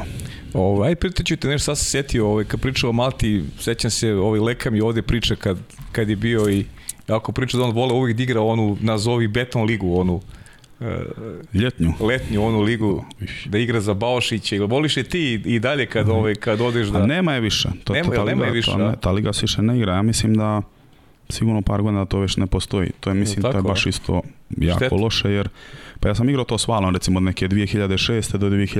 9. Val e, sa Prčnja, da, mjesto odakle sam ja. Mhm. ovaj, ja sam igrao, pa pa tu je bilo Risan, pa onda bilo kad se pređe Catara, Kamenari, Kamenari da. Kumbor, Baošić i Đenović i Zelenika i mhm. otprilike pa te 2006. godine ovaj smo igrali u Bijelu mislim da su me, ovaj, da sam tad dobio najviše batina bio u karijeri. tako? Da, to, to su me stvarno su ono... U Bijelu, ja? Da, u Bijelu sjećam se onaj bazen, no iskrpili su me, ovaj, baš je bilo onako, ovaj, neprijatno. Ne, nisam smio ni da vratim više, što će ono, bijete ona ja ti samo da prestane. ali ono, pa te utakmice poslije zelenika, igrao sam ja to 3-4 godine, ali to je stvarno isto ludilo. Mm. To, to je bila borba, pa se sjećam 2013. čini mi se smo mi igrali finale svjetskog prvenstva, a da su Ivović i Mišić posle 3-4 dana igrali finale sa Bokeljom da bi Bokelj osvojio titulu na ne znam 50 godina osvajanja ili postojanja e, mhm. kluba, nešto, znači ono tri dana posle. Posle svjetskog igraš finale. Igrali finale, igraš, da, da, ono, drama. Ne znam s kim su igrali, ali to isto bilo ono... Pa su osvojili makar? Da, ja mislim da su. Sjajno. Isplatilo se. Isplatilo se trud. Da. Dobro, znači pamtiš te batine, dobro, ali imaš neku da pamtiš da si ovaj... Da si ti nekog u bazenu... A, pa nisam nešto, nisam, nisam, nisam neki konfliktan nisi Konfliktan, Nisi konfliktan tip? Ne, ne, baš ne znam, ne. Ono, ne sjećam tu žaru borbe. Ma ne, Ne, ne, ne sjećam Dobro, se. dobro. Ajmo da pređemo, Darko, sada na ovu represivnu priču. Ti si mlad čovek, a, imaš iza sebe već ovaj, svašta kroz represivnu selekciju. Hoćeš da se posjetiš kada si debito, aj možda od tih juniorskih dana za reprezentaciju da... Dvije, pa mi smo 2008. Sedme u stvari na Malti igrali prvo europsko prvenstvo, završili smo pet i onda smo 2008. osvojili zlato. Zlatu. Mhm. I 2009. smo osvojili srebro. Tako da što se tiče juniorskih, dan Šteta donekle za tu generaciju da je nije realno mogla se otvori prostor za mnoge iz prostora razloga što je reprezentacija bila full vrhunskih igrača koji su mhm. bili u najboljim godinama. Mhm. I onda donekle i ti neki možda igrači iz juniorskih, iz moje generacije koji su zaslužili možda da igraju, nisu uspjeli da, da dobiju šansu, ali opet e, lijepo je imati u karijeri to juniorsko zlato, juniorsko srebro, to je nešto opet što i posebno mi je drago jer sam kažem to osvojio sam momcima koji su koje poznajem od neke moje sedme, osme godine. To su bili sve momci iz Kotora izuzev Đorđe Tešanović koji je bio sa, iz Herceg Novog i Malin Restović je iz Beograda, on je došao te godine u Katar odigrao, ovo ostalo su bili sve svih 11 ostalih momaka iz Kotora. Mhm. Tako da ovaj, mi smo se znali od Filip Klikova, Željko Dončić, eh, Purko Ivančević iz Budu, ali igra u Primorca, pa onda ide Gopčević, eh, Paunović, svi koji su tu bili, tako a mi smo se podigli svi zajedno i, i, i drago mi je taj, taj nekako rezultat i uspjeh mi je drag jer su mi to stvarno onako pravi prijatelji ti momci. Mhm. Volim ih uvijek vidjeti i baš sam sretan da smo uspjeli tada da osvojimo to i onako, lijepo je, lijepo imati to. Mhm. A ko si vodio, ko je bio selektor? Uh, Slobo Mačić. aha, Mačić je bio selektor. Slobo Mačić je bio selektor, a druge godine kad smo za srebo bio Perovicu. uh Perovicu. E, dobro, a, a debi za, za reprezentaciju? Pa tako nešto, 2009. ja mislim. 9. a, ta si, ta mislim, e, Siguran sam da je bio porobit selektor. Mhm. E, to su bile utakmice one svjetske lige. Mhm turnir nisu bili turnire nego utakmice, ono 3-4 utakmice tokom godine, onda si igrao finalni turnir. Mislim da sam taj finalni turnir u Nišu 2010. Uh -huh. 10. sam bio 14 igrač, nisam igrao i 2011. sam u Šangaju debitovao na, na svjetskom prvenstvu. Uh mhm. -huh. E, je pera?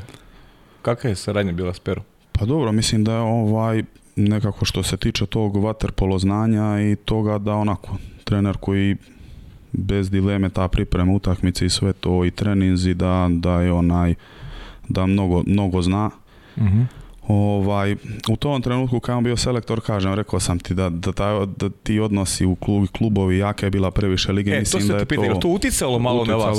Nije malo, no to je bio ključni razlog tih neuspjeha, moje mišljenje. Aha. Jednostavno, to, to, toliki je rivalitet bio, svih 15 smo igrali jedan protiv drugoga, to, je, to su bili ono dueli i nismo mogli taj level da pređemo. Aha, znači nije bilo hemije u reprezentaciji? Pa moguće da to ovako izgledalo da ima, ali negdje unutar ja sam siguran da je to bio, da su ta jaka liga da je koštala reprezentaciju i pojavili su se i stranci i onda je to prešlo onako neki level i mhm. mislim da je to najviše te neke 9. 10. 11. koštalo reprezentaciju uspjeha. Aha. A Šange, kakav nosiš iskustvo iz Šanga, su to pa tvoje prvo prvo takmičenje pa završili smo sedmi na kraju. Mhm. Ovaj poslije toga je Porobić i otišao. Mhm. Pa veliko takmičenje, ali opet kad završiš sedmi nije ti neki onako nije ti neki onak utisak specijalan. Da. Koga ste izgubili u četvrtfinalu? Šta Od Hrvata. Od Hrvata, a? Hrvati su nas dobili, mislim 9-7 tako nešto. Mislim mi smo odigrali korektno to što smo mogli, ali ali opet završiš sedmi, to ne može bude dobar rezultat. Mhm, a tvoj neki onako utisak Eh, celog, celog prvi put na velikom takmičenju. Ili... Pa dobro, bila, ono, bila je to trema i Jeste, ja. I otišli smo mnogo ranije, sjećam se, jer je to bilo u kinu, pa ona vremenska razlika, pa smo 10 dana ranije, 15 otišli, pa samo takmičenje, to je trajalo mjesec dana. I onako ko mladom igraču, iako sam ja već tada i osvojio i titule i ligu šampiona i sve, ali isto sam osjećao onako veliki pritisak i nije ovako bilo lako i, i psihički malo to već du, dosta je dugo trajalo i onda posebno neko i razočarenje na kraj sedmo mjesto i, uh-huh. i ovaj nije sad da mi je ostalo u nekom ovako prilijepom... A verujem ni, ni, verujem ni Kina da ti nije baš neki, neki ne. utisak ostavila. Pa slabo, nismo mi tu, ni, nismo, nismo, nismo, nismo, Mislim, mi pre svega zbog klime, ono, malo nismo, Ma ne, pa to, da, onaj, vlažnost Blaga, velika, da. ono, non stop si u hoteli. Mm. A kaži mi London, London nisam igrao. bio, da? London sam, London i Eindhoven. Pa za Eindhoven mi ostaje žal jer ovaj, sam negdje vjerovao da ću, da ću upasti u tu, da, mislio sam da ću upasti u ekipu, jako je bilo teško, to je bila velika konkurencija tada. London sam odmah prvi par dana, ono, mislim generalno za London nisam uopšte ni uložio napore da, da, da se onak, tu sam napravio grešku nisam se možda onako ni zapeo da, da vjerovao sam da neću proći prvog dana sam mislim kratko se ostaje mislim par dana i da sam prvi koji je koji, koji otišao. Da, da, da. Tako da ovaj žao To je neki tvoj lični utisak bio da prosto ne možeš da prođeš ili... Da, da, da. da takav mhm. sam neki utisak, mislim, vjerojatno pogrešan. Mhm. Sada iz ove perspektive pogrešan, ali takav je bio tada i šta će, mislim. Da, tako si procenio, da, da. Da, mhm, da, mm. tako da 2013. sam onda bio u Barcelona. Da, onda sam tu igrao konstantno do 2017. Da, 2013. Darko i to je prva godina, eto, zaista prvi trofej koji si osvojio se taj trofej, da. medalju koji osvojio sa, meda, sa reprezentacijom, bez obzira što je taj neki gorak, ajde da, kažem, utisak s obzirom da gorak ukus ustima jer ste izgubili to finale. Pa igrali smo to, to takmičenje stvarno super. Mhm. I u, u suštini imali smo Nikolu Mlađana i Leku koji su tu ekipu svojim kvalitetom individualnim držali na levelu, mi smo ostali dali svoj doprinos. Ostaje žal za to finale, ali kao što se ti prije rekao, zasluženo smo ga izgubili. Imali smo neke možda svoje šanse, ali nije, Mađari su bili bolji. Mhm. Mađari su bili bolji, zasluženo pobjedili i to je to. Uh mhm. kako, kako je put išao do, do, do finala, pa, četiri Izgubili smo u grupu od Grka prvi dan. Mhm. I onda smo u osminu finala igrali, ja mislim, Kanada i onda u finalu bila Srbija. Mhm. I tu smo, tu smo izbacili Srbiju i onda Italija bila u polufinalu. Mislim da smo i tu, ono, Italijane smo tu utakmicu onaj vodili, ja mislim 10-5 drugu možda zašlo 11-8, ali to je bilo onako baš... Pa da, pa i protiv Srbije stigli sjajno isto. Pa taj, a taj turnir su njih tri odigrali stvarno odlično. uh I a mi smo tu otprilike onako tu bili korektori pomagali i ovaj u finalu u finalu čim, čim nismo imali toliki njihov učenak nismo, ovaj, mhm. nismo uspjeli da, da dobijemo. Ali opet nije ni, mislim, to su bilo opet teške, toliko naporne utakmice, tako da nije ni normalno da te dva, tri igrača baš nose cijeli turnir. Mhm. Kako to, to, ajde kažem, rivalstvo sa, sa reprezentacijama svojih prostora, kako, ti, kako je ovaj, uticalo na tebe? E, kad ti je bilo najteže, kad najlepše, to vi ste svi momci znati i kroz te mlađe repre selekcije igrate često zajedno. E, kako definišeš, ajde da kažem, to rivalstvo? To, je negde manje više ista škola. Da. Pa dobro, ja mislim da sam ja možda taman zadnja, da sam ja taman možda i zadnja mhm. generacija koja je imala pripreme Srbije i Crne Gore 2005. 6. ta mm prva okupljanja. E, Dušan Marković, e, Marin Restović, Čukva, Penski. to da. bila ta ekipa. Mi smo igrali sa Perom Kovačevićem o, turniru u Obrenovcu. Mm 2005. možda, 6. tako mhm. nešto, tako da smo mi imali čak Imali smo jedno iz, zajedničkih, da. Mhm. Imali smo čak jedan zajednički turnir, poslije toga je došlo do, do razdvajanja mhm. i ali ne, nisam ja sad, meni veće rivalstvo sa Srbijom ili Hrvatskom ili sa Italijom, meni to potpuno onaj... ne, ne, dijelim to nikako, niti mi je teži poraz ili mi je draža pobjeda ne, ne, mislim u tom, Nisam u tom smislu, nego prosto eh, znate se bolje i, i teško je tu Teško je tu neku taktiku posebno pripremiti protiv ljudi koje jednostavno poznaješ. Pa, to te sad bilo, to je sad bilo, ovaj, sad kad sam mislio iz, iz Hanovera, rekao sam Dedoviću, Restović, ono, mhm. sretan sam da vas više ne, da ne, gledam, više ne znam što, ono, ne znam ni što, što da vam više izmislim, što da, ćete vi, pa mene, ono, bukvalno, mhm. svaki potez se, znaju oni što ja mogu, tako je. Ja koliko oni mogu i, i je to. Ne, iz te perspektive ti pitam, a ne sada ti je nešto teže, slađe, ne, nego prosto prosto je dolaziti iz iste škole svi. Da. Pa dobro, oni su, mislim, svakako da su igrači Srbije, Hrvatske u tom dijelu naj, najobučeni, ja opet gledam to kao napadaš da su dosta dobro obučeni u tom odbranbenom dijelu, možda mhm. bolje od drugih. Mhm.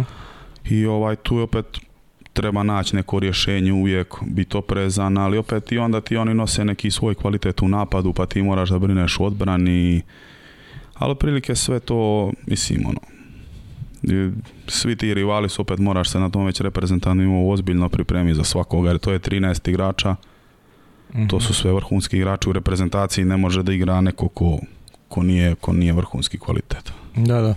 E, kakav je odjek bio u Crnoj Gori poslije tog svjetskog prvenstva u, u Barceloni? Zaista... Pa dobar. Da, sjećam se, bio je, imali smo i dočak u Podgorici i sve onako bilo, bilo onako baš, baš lijepo. Pa dobro, to je u suštini bilo, 2012. je bila medalja u Eindhovenu, Jeste, 13. je bilo to, onako bili smo u nekom Srebrne, dobrom, medalje, da.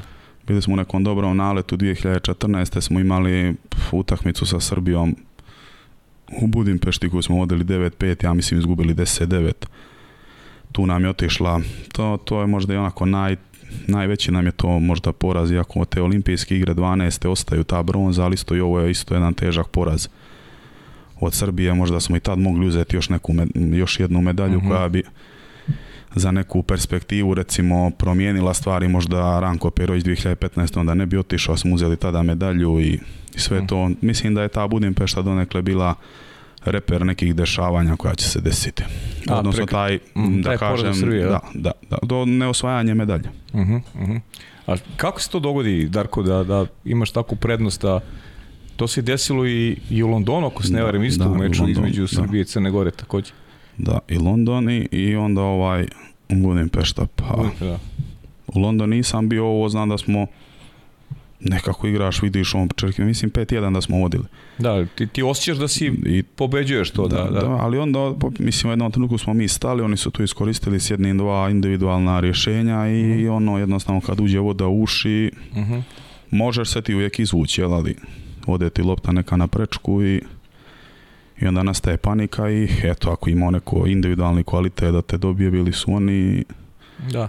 i dobili su nas. Ali to su stvarno bila sjajna rivalstva, sjajne, utak, utakmice konstantno između Srbije i Crne Gore. Dolazimo, eto, 2015. to je bilo 2015. 2016. godine Evropsko prvenstvo u Beogradu gde ono finale koje je puno areni koje je bilo spektakl pa zaista. Pa dobro, mislim da realno od 13. Ekipe, da. ovo 13. do 16. u tom nekom ciklusu u kojem sam cijeli bio. Mhm. Mislim da ono, mislim da će to igrači iz Srbije potvrdi da smo i mi stvarno bili najteži protivnik uvijek. Da, sigurno. Ovaj, jer to su mi, i kad smo mi bili ovakvi, oni ovakvi, to je uvijek bila utakmica mhm. na go, pa to finale ovaj, to finalistu u moglo je da završi potpuno na drugu stranu bez ikakvih ovaj tako da bil, mislim da u finalu Beograd je stvarno isto jedna lijepa utakmica onako. E, drago mi ja sam mi igrao tu utakmicu, ja sam bio dio onakve atmosfere jer ono ne znam koliko je ljudi mogla doživi stvarno ta atmosfera, taj dan u Beogradu, to je bilo... Pa nikad više ljudi nije gledalo finale da, da, da, ne, to, to je bilo nevjerojatno, ono, gledaš, ne znaš gdje je kraj, okrećeš se, mhm. baš i ta organizacija i taj, kako su napravili bazen i to, to je bilo i onda samo finale Srbija protiv Crne Gore nije moglo biti vjerojatno ni ljepše, tako da... da. Mislim da sam eto, imao sam sreću da budem dio tog, mislim da je bio stvarno spektakl. Da, da, bila, sjajna, bila je sjajna utakmica definitivno i uh, u najmanju ruku fenomenalna partija Crne Gore, tu su neke nijanse odlučile na kraju i još jedna srebrna medalja u, u, u tvojoj kolekciji. Da, srebrna. Da, to je što je. To je što je, da. Ali koji, koji mesec kasnije, Darko, opet idemo ono olimpijske igre i, i to je što si rekao u jednom momentu da ti je to možda i najteže palo. Crna Gora je uvek bila neko blizu da osvoji medalju na olimpijskim igrama, ali i 2016. opet bitka za bronzu i u polufinalu Hrvatska. poraz od Hrvatske, da. Da, Hrvatska koja je tu utakmicu još bila bez Burića, imali su igrača manje,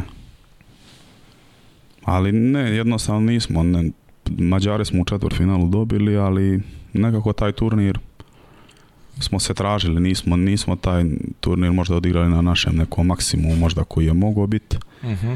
I izgubili od Hrvata zasluženo, mislio sam da imamo i tu šansi da ćemo uspjeti, ali, ali ne i to, i Italijane smo onako dosta pa glatko izgubili, nismo mi tu bili u mhm. nekoj priči da rečeš jedna lopta otišla gore dole, jednostavno to su bili porazi po dva, tri razlike i, i normalno ostane onako žal kad, kad negdje unutar znam da smo, da smo bili bolji od tih ekipa sigurno, da smo mogli da ih mhm. dobijemo, ali eto četvrto mjesto šta ćemo.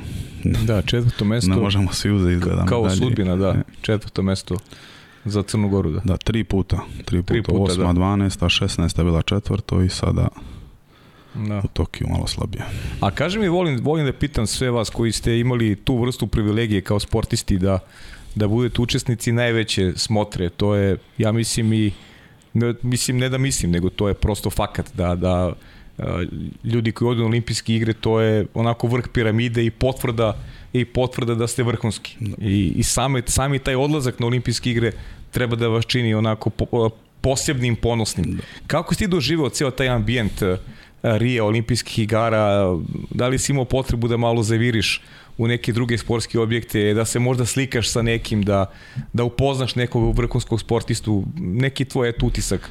Uh, pa ja sam, uh, otprilike ono što sam htio je bilo da idem na otvaranje, jer smo mi imali dan utakmicu, sutra dan smo imali utakmicu i onda je bilo otprilike da neće ići cijela ekipa, nego ko želi, otprilike nas 3-4 smo otišli, iz ono, mislim stvarno sam htio da mhm. Jednostavno, to je prvi put, možda evo i posljednji, tako da, da, mi je baš drago da sam otišao.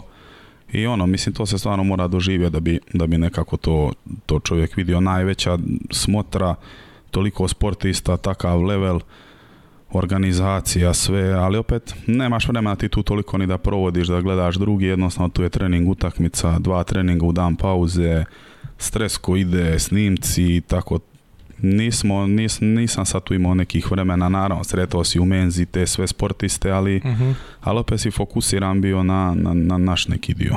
uh Darko, e, završio se Rio i od Rio nekako tebe nema u reprezentaciji, ako si ti mladi dalje, po godinama ti si mlad igrač realno, nisi u nekim da kažem poznim igračkim godinama, e, šta se tu dešava, ti nisi zatvorio vrate reprezentaciji, nego prosto prosto nemate u nekoj ovoj percepciji. Da. li si otvoren da u nekom budućem periodu zaigraš ponovo za, za državni tim? Pa ja sam 2017. igrao to svjetsko prvenstvo, onda u toku tog svjetskog prvenstva se mm. desilo ovaj, e, jednostavno mm, kako bi sad to rekao najblaže, da nisam jednostavno pristalica ovoga što se radi u crnogorskom vaterpolu. Mhm, mhm.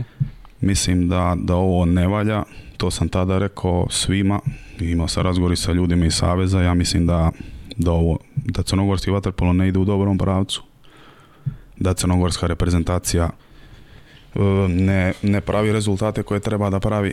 Jednostavno, mi smo bili osmi u Tokiju, prije toga smo bili deseti na svijetu, šesti u Europi. To su loši rezultati. To je istina, evo, sutra igramo za sedmo mjesto na svjetskom prvenstvu. To je za mene loše.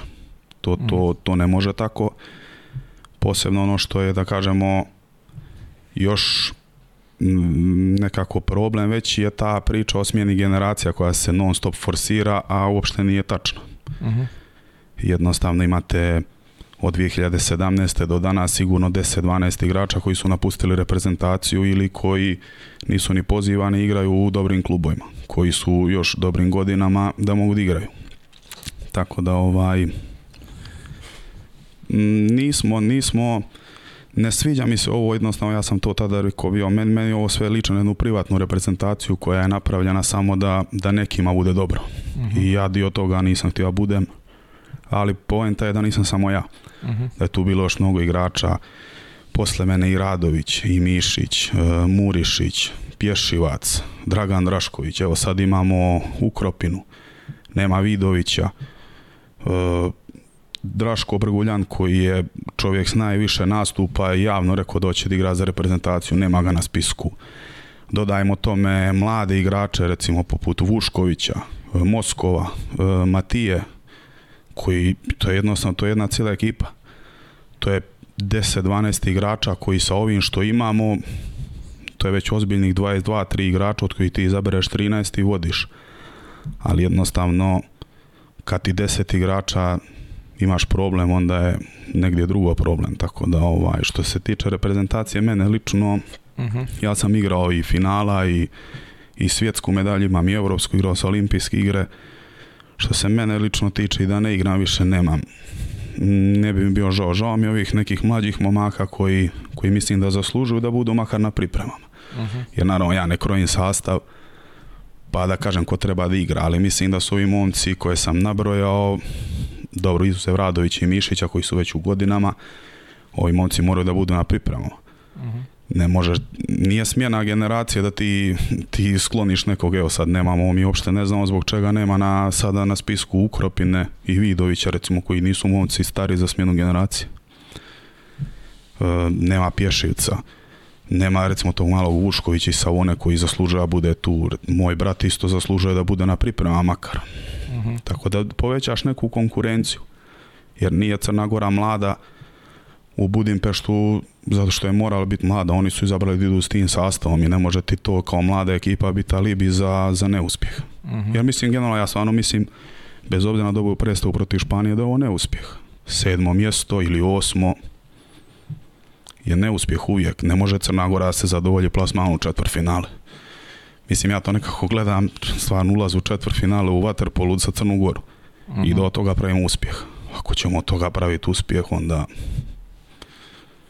mislim da, mislim da to ne može biti neko mjerilo za budućnost, da Crna Gora mora vrlo brzo da napravi neke stvari, da sve te momke koji mogu da igraju još, da, da, da vrati, da vidi s kim se može, s kim se ne može i da se napadne medalja u Parizu. To, mhm. to je po meni sa, sa svim ovim ljudima apsolutno moguće. Mhm. Ali dobro, ti si kao neko ko je igrao, eto, toliko i napravio ozbiljne rezultate sa gorom spreman si da se u nekom ovaj trenutku i ako te pozovu da se vratiš u nacionalni Pa mene su oni zvali bili. Mene su oni zvali bili. Mhm. Imali smo mi neke razgovore to, međutim, jednostavno ja od nekih svojih principa neću da, da odustanem i jednostavno sve što sam rekao 2017. to i dan danas mislim s tim što sve stvari koje sam tada rekao tek su sada još više vidljivije. Mhm. Tako da ovaj znao sam da to ne može bude dobro, oni su pričali, projekat je bio do Tokija, pa kad mhm. se završio Tokio s osmim mjestom, sutra dan je novi projekat do Pariza. Pa ne može, dokle ćemo više u projektima. Uh ovaj, kod Crna Gora nije, ja ti opet kažem, nema tu velike smjene, to je samo Aleksandar Ivoj završio karijeru. Da, Svi ostali su tu igrači koji žele da igraju. Od ovih koji su igrali i tako to, tako da nema tu neke velike smjene generacija, smjena generacije 17. nije bila 17. 18. smjena generacije. Mhm. Nego su tu otišli igrači koji su bili u najboljim godinama, su ti otišli iz reprezentacije. Kad otišli su igrači sa 27, 28, 29 godine igrali su ti ljudi iz 35, znači nije bila smjena generacija. Bilo je nešto, bilo je nešto drugo. Tako da izgubljena je po meni 4-5 godina, ali eto vjerujem da će neki ljudi ukapirati da mi, ne, da mi nismo protivnici crnogorskog vaterpola. Jer mhm. oni to tako žele da nama prebace da smo mi protivnici crnogorskog vaterpola i hoće da me ubijede da oni koji nisu nikad recimo igrali za reprezentaciju više vole reprezentaciju Crne Gore od mene. Mhm. Što mislim to da. ili da ja koji iznosim stvarno realno mišljenje, to je realno mišljenje. Pa u krajnjem slučaju ovo su, Da, i ovo su samo činjenice, znači šesto mjesto -huh. mjesto 2018. je najslabiji plasman ikada na evropskim prvenstvima. 2019. deseto mjesto je najslabiji plasman ikada na svjetskim mhm. prvenstvima. Olimpijski igre osmo mjesto je najslabiji plasman ikada. To je nešto što je napravljeno u tri godine, četiri. Mhm. To nisam ja izmislio, to su činjenice, znači da se radi o najneuspješnijem periodu. Mhm. i neko za to mora da snosi odgovornost. Mislim, mhm. ne može se nakon takvih rezultata doći sutra i reći e, sad je Paris cilj. Mhm. Mislim, može biti Paris cilj, ali šta ćemo, što ćemo da budemo, pa što ćemo onda u Paris završi opet u osmi. Valjda neko mora da, nekako mora da se izmjeri, znači osmo mjesto u Tokiju je bio alarm da se neke stvari završe. Mislim da je alarm i sada, alarm i sada, ali znajući kako to sve funkcioniše, čisto sumnjam da da će se tu nešto promijeniti, da će da će ti ljudi koji vode savez pokrenuti neke stvari prema da bude bolje. Mhm. Jer ovdje nije poenta jedan, dva čovjeka, ovdje je poenta da to mora da funkcioniše mnogo bolje u organizaciji i da tu mora se razgovara s tim ljudima, da tu ima stvarno tih mladih igrača prije svega koji moraju, koji moraju da budu na pripremama, se mora razgovarati s njima da, da se ne možemo mi odrizati nijednog igrača, Posebno se ne može modricati recimo tih momaka dovodi stranca. Recimo ovaj uh potez dovođenja averke je uh ok igrač. To je sve ok, ali onda moraju i ostali momci koji igra na toj poziciji biti pozvani. Pa nek se oni bore za mjesto. Ja nisam protiv stranca. Neka mhm. igra. Ali kad dovedete stranca, onda morate i da snosite neku odgovornost. Jednostavno, znači mi smo doveli stranca, završit ćemo sedmi ili osmi na svjetskom i nikom ništa mislim gdje je neka odgovornost toga što se uradilo jer je taj stranac zauzeo mjesto nekom momku možda u ekipi ili na samim pripremama. Mhm. Tako da... Dobro, ja moram ti priznam da ja nisam uopšte pristalica e, toga jer ne može to ko u klubu ima da ne znam, dovodiš igrače. ja nisam, nije to uopšte neka da. Neka dođe. Pa okay, da. Nema tu pot, mislim, posebno je momak koji sa svojom reprezentacijom... Hvala ti što si iskren, iskreno Mislim da momak ne može sa svojom reprezentacijom da da realno sa Bjelorusijom neće nikad igra velika takmiča. I neka je došao. To uopšte nije poenta. Poenta je da, recimo možda taj mali Ušković, taj Moskov su zaslužili isto poziv da se bore sa njim za to neko mjesto jel, u ekipi, pa neko onda on prođe, ali su makar bili na priprema, ti znaš da si doveo sve što imaš, tako da ovaj, žao mi je, ne znam kažem koji su to razlozni i zašto Ukropine nema. E, nemamo ni Đura Radovića koji ima neke druge stvari, ali on će vrlo brzo biti tu. Ovaj, šteta. Mislim, to je baš šteta da, da tako se non stop. Ne možemo mi da riskiramo takmičenja, ovo, ta dva takmičenja, tri. Ili su neki kompromisi opet dogovoreni, mhm. pa možda ne igraju neki pa će se sad vratiti, to je još gore. Da, za, to je još gore, ako su preskočili ovo sad pa je neki kompromis pa će se vratiti za Split. Mhm. Mislim, to onda tek dolazimo na ono, privatna reprezentacija, evo tebi ja ovo, ti meni ovo i, mislim, ja sam protivnik toga. Zbog toga sam i, mm. i ušao u... Zbog toga i sam im i stao na, zub zato što im smetam jer, jer stvarno iskreno pričam. Neki lično da je mene neko nešto tamo urijedio, lično ili ne, najmanje. Ja samo ne sviđa mi se taj sistem kako to sve mhm. izgleda, ali to kažem, ja mislim da E, očekivao sam bio da će sa dolaskom novih ljudi na čelo Saveza se to promijeniti. Nije, ali vjerujem da bi možda u nekom narednom periodu mogli da shvate da mi nismo protivnici crnogorskog vaterpola. Pa znaš kako ja, ja gledam, evo, i, hvala tebi što si iskren, jer ja mislim da samo sa iskrenim razgovorom stvari mogu da se pomere na bolju bilo kojoj vrsti odnosa i kad je neko iskren ne znači da je zlonameran. Pa, Naprotiv. Mislim ja više volim kad je neko iskren nego kad me neko tapše po ramenu, a, a iza leđa mi priča da. za negore. Pa, ja mislim da oni to ne shvate još uvijek da, da nema zle namjere, nego da je to samo najbolja namjera. Jer kažem ti opet tu veliki dio ljudi koji su u, u Savezu i sve to, mhm. mm, nisu to ljudi koji vole više reprezentacije od mene. Ja sam igrao neka finale, ja znam ili znam kako igrati, znam kako je pobjediti razliku od nekih koji nikad nisu ni igrali za reprezentaciju i sad oni da ovaj hoće da, da, da, da, dokažu da oni više vole i da žele dobro crnogorskom vaterpolu od meni, od mene, tako da mislim meni je to nepojmljivo, neprihvatljivo. A kaži mi kako gledaš, ajde još da, da, da, da, zaključimo tu priču o crnogorskoj reprezentaciji. E, ja iskreno, e, gledajući u Jadranskoj ligi, e, Jadran i Primorac, tu evidentno postoji ozbiljni talent i zaista i mislim da e, moje neko mišljenje da od ove Jadranske lige najveću korist su ove godine imali Jadrani Primorac.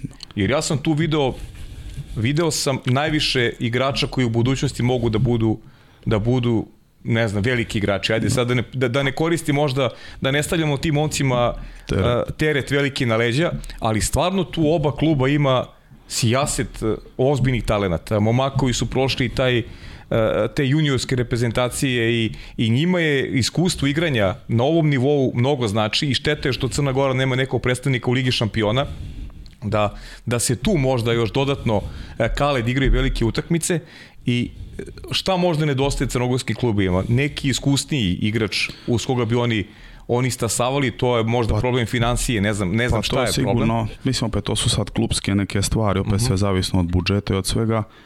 Naravno, kad igraš sa vrhunskim igračima, to ti koristi. Recimo, spomenuli smo Matkovića koji ide u Barcelonetu, sad, znači, očekujemo od njega tek sad da napravi ovaj neki step još veći jer će igrati baš u vrhunskoj ekipi mhm. gdje opet neće se svi pripremati samo za njega, on će biti dio da. odlične ekipe i očekujem da će on napraviti baš veliki iskorak, tako da Perković naravno talent, da. Ma ima tu koliko ja mislim što se tiče Crne Gore, tu ima talenata. Ovaj pokazali su oni to i sada na ovom svjetskom prvenstvu, ali opet mhm. opet ovaj tu hvali e, neki kvalitet još dodatno iskustvo mhm. da bi oni bili bolji jer ja to gledam po sebi pa bolje mi da igram sa kvalitetnim igračem nego sa nekim koje je manje, mislim, opasniji sam sa kvalitetnim sa igračom nego sa nekim koje je manje kvalitetan logički. Uh Tako da ovaj... Misliš da je teško da, da jedna grupa mladih igrača napravi rezultat nego da im treba ipak neka podrška iskusnije koji, koji zna kako se neki kritični momenti, da je to bolji balans nego da, nego da tim bude sastavljen isključivo tih mladih momaka? Pa, pa to je sigurno. Mm. Mislim, to tako i pokazuje. Ne, teško da neko skupi da sad ja i ti napravimo ekipu, da kupimo 13 igrača od 20 godina i da očekujemo da ćemo pobijediti baš sve, jel tako Ko zna da... ćemo da pobedimo? Pa, Ko zna kad ćemo da pa osvojimo nešto? To je pitanje. I da li ćeš osvojiti? I da li ćeš da osvojiš? Mm. Tako da, to je lijepo sve, ali naravno to treba ti neko vrijeme, a kažem opet gledano kroz naš vaterpolo, mi baš vremena za neko čekanje nemamo, jer mi mhm. već kuburimo mnogo, 5-6 godina, izuze Budimpešte 2020. Nismo u priči za medalju, nismo od Beograda 2016. igrali ni jedno finale. Mi smo jedina reprezentacija iz ovih top 6-7 koja ni igrala ni jedno finale, tako da... Da, ima bronza ta iz, iz, Budimpešte, da vidjet ćemo, kažem, ja mislim da, da će u to, da, da će u crnogorskom vaterpolu da ovo sada neki onako trenutak da se neke stvari onako da se na bolje već sada. Mm -hmm. Ok. E, aj pusti nam, Vanja, e, još jedno imamo video pitanje, da iznenadimo ja studiju, imam dva pitanja za kuma. Prvo je, koliko ima šahti od Peluzice do vojske, a drugo pitanje je, koji je najbolji saigrač s kim igrao posle mene. Veliki pozdrav. A dobra dva, Dobra si mi dva pitanja. Naša. Dobra dva pitanja. Pozdrav za Nikolu ovaj, Markovića. Da, legendarni kapiten. legendarni kapiten Šapca. Ovaj, a ovo prvo za brojanje on bio zadužen, tako da on će znati, ja sam vozio, on je brojao, tako da Dobro. ti znaš taj broj. A drugo, pa dobro, mislim da da je to Azevedo definitivno najbolji Azevedo? Najbolji igrač sa, sa kojim sam igrao. A, naj, najteži rival? To, to su oni, to je ona priča vezano za Budvu, tako pa to Pa ja mislim da je to, da. Mislim da je to taj, mhm. taj dio sa, sa Budvom. Da su oni stvarno imali i Petarić Ćiri, da su bili baš odlični obrambeni igrači i da, da su mi to bili nekako dva najteža protivnika. uh Imamo neka, neka pitanja uh, gledalaca, gledalaca, pardon. Filip Novković te Filip Noković, izvinjena, te pita koji je najteži plivački trening koji je plivao i koliko su mu vremena na 50, 100 i 200 metara? Uf. A plivački trening treninge sam imao Koranka Perovića. On je ovaj zajedno sa Italijanom Ringalcom nama uh radio mhm. taj pripremni dio. A što se tiče vremena, odavno nismo imali te neke testovi to, tako da ne znam. Nisam se odavno mjerio. Uh Preskočio bih sada da je neka vremena. Da. Veliki pozdrav za Jasmina Halilovića koji ima samo jednu poruku. Veliki igrač, šuter, veliki pozdrav. Hvala, pozdrav veliki. Pozdrav za Đaleta, idemo. E, Petrović, e, Petrović, zašto Primorje i da li možemo očekivati povratak u reprezentaciji? Pa Primor je, tako rekao sam već, neki interesantan da. mi djeluje da će mhm. biti neki interesantan projekat za naredne dvije, tri godine, koliko želim da da još budem u, da budem u Rijeci i to je to. A što se tiče reprezentacije, ono, vidjet ćemo, nisam neki optimista lično za, da, da ću se vratiti, ali da ne zatvaramo vrata. Da, pa dobro. Uh, Mare, Marek Tkač. uh, ovako pita, da, ovako da vidimo. Pozdrav za učitelje Vatrpola. Da li može objasniti zašto pre bitne utakmice prošeta? maret kaču A pozdrav za Mareka, da, ovaj, pa on je, da, on igrao s nama u Hanoveru i, da. ovaj, e, i onda bih ja ovaj, stalno napravio krug oko bazena i onda Aha. on to primijetio i i onda on gleda i onda je to, učitelj, zašto ti kao šetaš stalno oko bazena? I, a nisam mu, nisam to otkrio. Nisi mu otkrio? Ne. E, isto, opet je on pita da li mu se sviđa rad sa mlađim igračima i kako pamti prvi triple koji je doneo Hanover? Da, a dobro, on, on mi je pomogao malo. on mi je pomogao u triple Ovaj, pa ne, ta, ta godina stvarno u Hanover 2018. kad smo osvojili sva tri trofeja bila isto ono lijepa. Tu se najvi, kažem te opet emocije šefa kad je pokazao i to za, na kraj kad smo slavili sva ta tri trofeja na tom slavlju i mislim ono, stvarno mi je to mi je ostalo onako ta prva godina taj, taj trofej i to mhm. mi je ostalo upečatljivo radi šefa koji ono pokazao te emocije ono, Baš, baš velike. Mhm. Dobro, znači Onda se javlja ovdje moj kolega Nikola Rađen, Kaže, koliko mu je bilo najbrže vreme, vreme na 100 metara i kada je to bilo i kada ćemo ponovo zajedno na Rusiju? A ah, da. nema vremena, davno je to bilo. je to bilo, Najbolja vremena su iza mnogo. A na Rusiju ne znamo ćemo. ne, ne znaš, a? Dobro. Evo javio se i Jogi Miloš, Miloš kaže, poda ima u, u studiju pitanje za Daruna, Gde je nauči da priča japanski? Lično sam bio zgranut sa kojom lakoćom barata stranim jezikom. jezik. Sve. Jogi, hvala na pitanju. Ovaj. Pa da, talenat sam za jezike, pa onda. ja to brzo, brzo hvatam. Ti to, brzo hvataš, da? da. Dobro, stvarno, ovi, ili to neka provokacija ili ja? A? Šala. Šala, šala, znači, šala, znači kontra je znači priča. Dobro. E, ima pitanje, da li si imao neka ponude srpskih klubova da... E, ne. Nisi, nisam, nisi nikad bio, znači, nisi, nisi, znači, onaj Partizan zvezda, znači to... Da, Partizanovac sam, ali... jesi Partizanovac, da, da, jesam, jesam, jesam. Dobro, gledaš nešto Partizan ili te zanima nešto? od ovih? Pogledam košarku, obavezno futbol. Košarku, aha. Mhm. Pa pratim, mada je sada zvijezda onako već. Da. Nažalost dominantno. Nažalost dominantno. Dobro, čekaj da vidimo još neka pitanja. Aleksandra nam se Aleksandra nam se javila. Neka pitanja smo već prošli, neka, neka nećemo da postavimo. Ove, ovaj, ko je za tebe najbolji igrač eh, na svetu, ko je najbolji gomor? Trenutno? Može i trenutno, možeš i ako možeš i da proširiš vidike. Mm, da, pa dobro, trenutno mislim da je Dejo Lazović najbolji golman. Uh Lazović? Mislim da je Dejo Lazović stvarno najbolji golman. Uh Pa što se tiče igrača, mislim da je Difulvio. Difulvio? Difulvio u ovom trenutku. Mm, naj, mislim najbolji nekako i, i traje već toliko godina, još uvijek je generalno mlad. Mhm. Tako da, mislim, ok, Ljevak Mandić, to isto ne, da, da. Taj, da kažemo, Mandić i Difulvio da su to po meni dva najbolji igrača i da je on najbolji gulman. Da je kako odigrao recimo proti Mađarske Difulvio, uništio je Mađare sa men, meni je onako na toj poziciji stvarno igrač ono mislim on je mlađi od mene ali opet pratio sam ga mnogo i ono stvarno taj to, ima i tu to, lider ekipe i mhm i baš onako jedna igračina, ono, odličan igrač. Uh ono što, što sad nema ovde među pitanjima, ali morat ću sad ti pitam da ne zaboravim. E, veliki si ljubitelj sporta to je nešto što, što si mi rekao. Ovaj, I to mi je neko posebno drago, ovaj, zbog toga što eto i to i radim i kolega koji, s kojim radim Formulu 1 je i idini tvorac svega ovoga e, što se zove studij na kraju univerzuma, pa aj kažemo dakle datira ta ljubavi Ko su tvoji neki favoriti? Šta više voliš, MotoGP ili Formula? Pa više pratim uh, formulu. Uh mhm. -huh. E, MotoGP sam da počeo pratim kad sam došao u Italiju 2013. -huh. Mhm.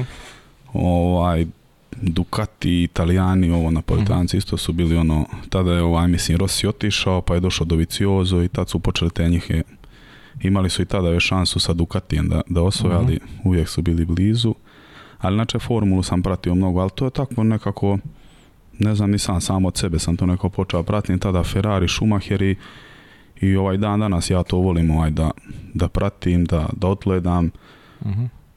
Mm, ne sad, sad recimo više nemam nekog svog onako favorita opet da kažem, je jedino što mi je drago da, da ovaj Hamilton sigurno neće biti prvak Mhm. Ovaj, da, da, će, da neće preteći za sada Šumahera, tako da... Ovaj, to ti je bitno, da, da, da, tako da mislim da slijedi neka dominacija Verstappena sad i neke još naredne godinu, dvije sigurno. Ferrari vozača mislim da neće uspjeti da moje godine uh pariraju i da nemaju, mislim da nema taj auto opet nije na kraj, kontinuitet nemaju, vezanje zadnje dvije te trke znaš i sam da su da, da. posebno Leclerc, tako da da, ide, ide to, ide to ka mislim, pravcu koji, koji želi Red Bull, da? Da, ništa. Sergio Perez će da drži leđa i... I to je to. mislim, to će biti sve kao kako ide, kako je Red Bull planirao, mislim da će to tako i da završe. A kaže mi si generalno čovjek sporta ili pratiš i neke druge? Rekao si mi pa- da je, eto, voliš rukomet, gledao si rukomet, futbal. Pa pratim, pratim dosta recimo final te završne turnire, recimo četvrfinale košarke Eurolige pa mhm. završni turnir. Ne, ne, mogu, ne pratim sad cijele godine i uh košarku i rukomet i sva recimo te finalne turnire, finale i to recimo ovaj, baš, baš pratim. Mislim, lijepo mi je to gledat recimo taj dio što smo i pričali vezano za, za Waterpolo, to taj Final 8, recimo mislim da bi mnogo bolji rece bio to četvrtfinale u dva meča i recimo ove godine sam gledao taj rukomet Paris Saint Germain kill dvije utakmice ono 30 30 i druga 31 30 ono mhm to je bilo uživanje zagledati dva meča, ono, mm je da uopšte završi, jel? A ovako kad sad zamislite da smo imali revanš Barceloneta proreko. Da. Da smo imali, ne znam, i da smo imali uopšte sve utakmice na dva meča. Jug, mhm. eh, da je Jug imao šansu da igra još jedan meč s Ferenc da. Mislim da bi bilo mnogo interesantnije. Mm I da se onda igra naravno Final Four i, i, i to je to, ali... Da. Mislim nekako je ljepše to finalu u dva meča, igraš kući, igraš u goste, svi sportovi ostali igraju tako. I košarka se igra isto do, do tri pobjede. Mhm. Tako da pratim i košarku, rukomet, pratim generalno sport sve. E, ko će igrati za Primorje naredne godine? Evo i to je jedno od pitanja. Pa otprilike ekipa ista. Dolazimo ja i Petar Muslim i treba bi da nije još završeno, mislim da tražimo ljevaka. Mhm. Mislim da, da bi to trebalo kroz nekih par dana da, da bude završeno. Ovaj, mislim da je u pitanju holandski igrač, mhm. tako da to bi trebalo, ja mislim, da bude završeno. i, i, i Jugi Jadran djeluje da će biti slabiji odnosno na prošlu godinu. Juki je otišao je onako da. jednu dobu Pa dobro, djeluje ovako, djeluje da da, ali opet ne mjerim ih sad s nama jer mislim da su da će biti to je nekoj prvoj godini sigurno neki level iznad i, da, i otprilike opet i, i igrači koji se znaju. Mhm. Tako da vidjet ćemo da se nas dva, tri uklopimo tamo, ali opet sigurno da, da onako nećemo baš biti neki lagan zalogaj. Kako ti izgledaju nova pravila? To su česte pitanja, nova pravila u Waterpolu. Ili misliš da su donela boljitak sportu ili, ili ovaj, ili ti to vidiš drugačije? Pa ne znam, evo recimo imali ste u situaciju Gora Španija onaj detaj sa petercem. Da. E, kad je ispala, kad je ispala lopta iz ruke. loptu ovaj recimo ako postoje nova pravila, onda je to bio trenutak da ih iskoristiš. Uh I čemu nova pravila, kad recimo takav jedan banalan primjer se desi i ti ne odreaguješ. Uh mhm, -huh. Mhm. Pitanje onda šta znače nova pravila? Ako se ne primjenjuju. Mislim, primjenjuje se da li ušla, da li nije ušla, ali ovo je recimo jedan primjer. To se već desilo 2000, ja mislim, 16. u Beograd. Daj pojasni situaciju ljudima. Šta? Pa ništa, bila, bila je situacija da je Španac pucao peterac, da mu mm. je naš igrač pomjerio loptu i da mm. su Španci tražili da se pogleda var, jer to je po pravilima crveni karton za igrača koji je pomjerio loptu i ponavlja se peterac. Uh I Španci su tražili da se pogleda var, što je po meni bilo apsolutno normalno da se tu pogleda var. Mhm. Ali, mislim, šta znači nova pravila kad se ne primjenjuju? Jer mhm. to je bilo idealan trenutak da ti iskoristiš to novo pravilo. Tako da, za nova pravila jesam, ali da se primjenjuju. A mhm. ne kako neki sudi odluči da mhm. neće, neće. Tako mislim, pravila postoje da se primjenjuju.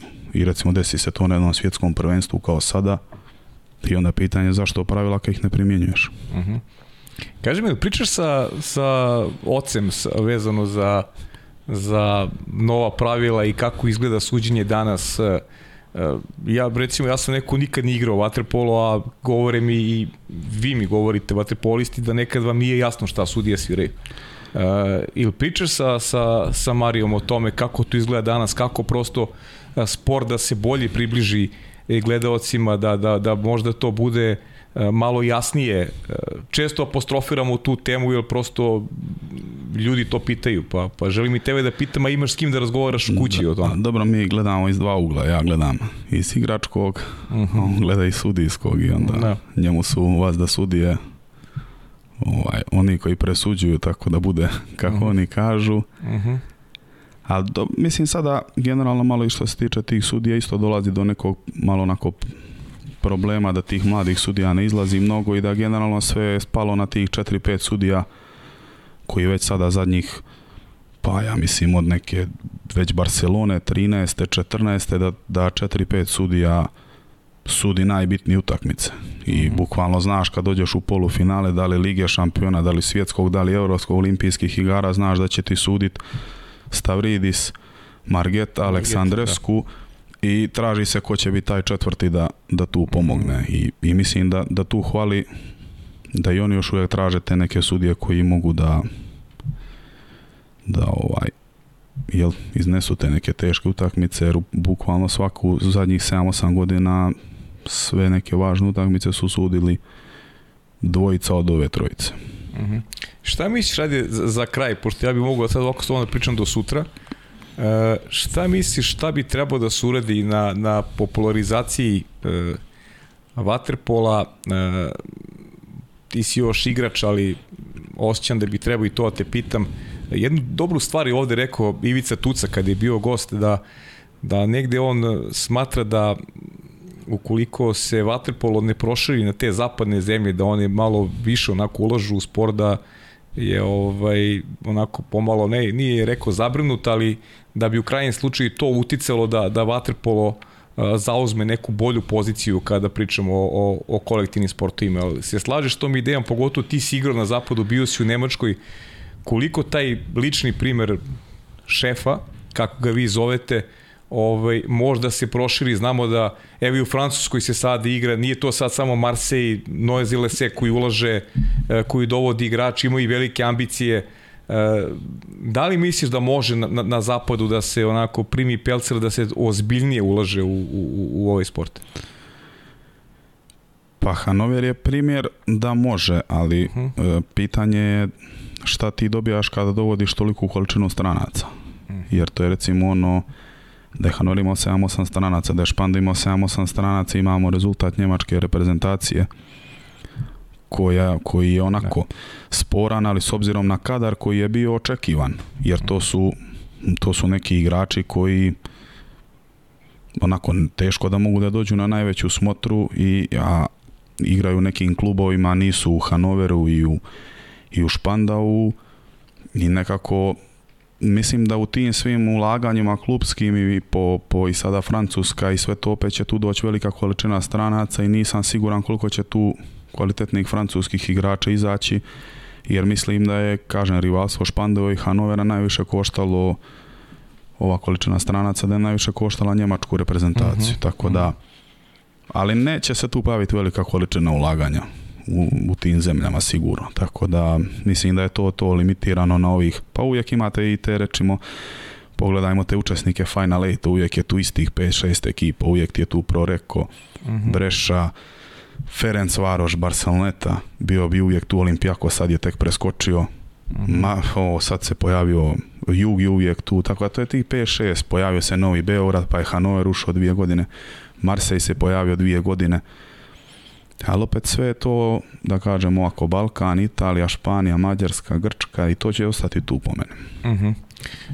Darko, ajde ovaj, pri kraju smo pa porodice, ono što moje koleginice uvijek vole da dostave za kraj, pa evo ti prilike da, da ih pomeneš ovdje. Da, pa dobro, ovaj, da kažem opet na, na, na ovom početku, za te početke, opet sam moram da, da spomenem da opet mhm. su tu moji roditelji imali mhm ovaj veliku ulogu u tom nekom početku bavljenja sportom, opet su tu oni odvajali veliko svoje neko vrijeme da me povedu, vrate s treninga, da onako, da me i u tim nekim u tim nekim godinama da onako budu, pa bitni su tu roditelji da opet znaju da djetetu da ga spuste na zemlju kad treba da jednostavno može roditelj mnogo da uništi karijeru djeteta mhm. kad ga puno hvališ, kad ga kad nisi realan, kad, kad očekuješ da će tvoje dijete da bude ne znam ja šta, onda ga u stvari samo ugasiš. Tako da u mhm. suštini ovaj, bili su onako dosta često kritika, ali ono, mislim pametna kritika koja je ono,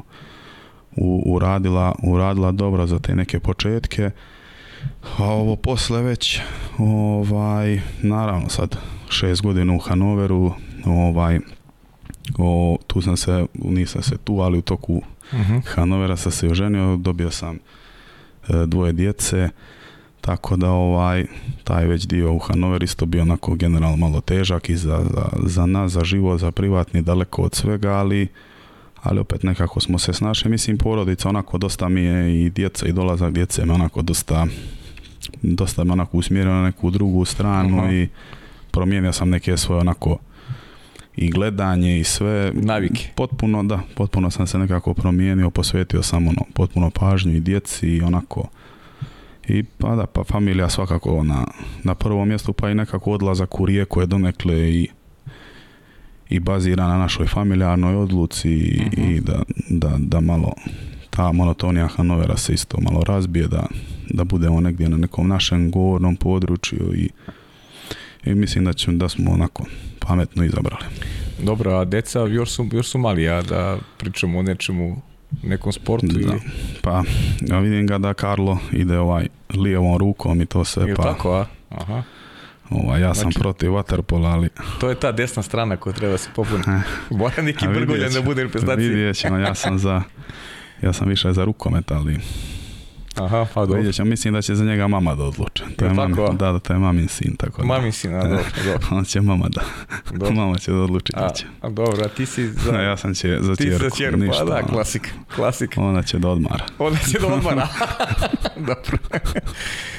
Darko, ili ima nešto što, što te nisam pitao za ovo gostovanje, ja sam siguran da ćeš nam ponovo biti gost, jer kažem, ti si mlad igrač, a iza sebe imaš već onako jedan, jednu dobru karijeru, satkanu sa, sa mnogo trofeja i dobrih rezultata i verujem da će tako biti u budućnosti, pa eto za ovo tvoje prvo gostovanje u studiju na kraju univerzuma, ili imaš, ne znam, neku poruku ili nešto želiš da kažeš, a ja te nisam pitao?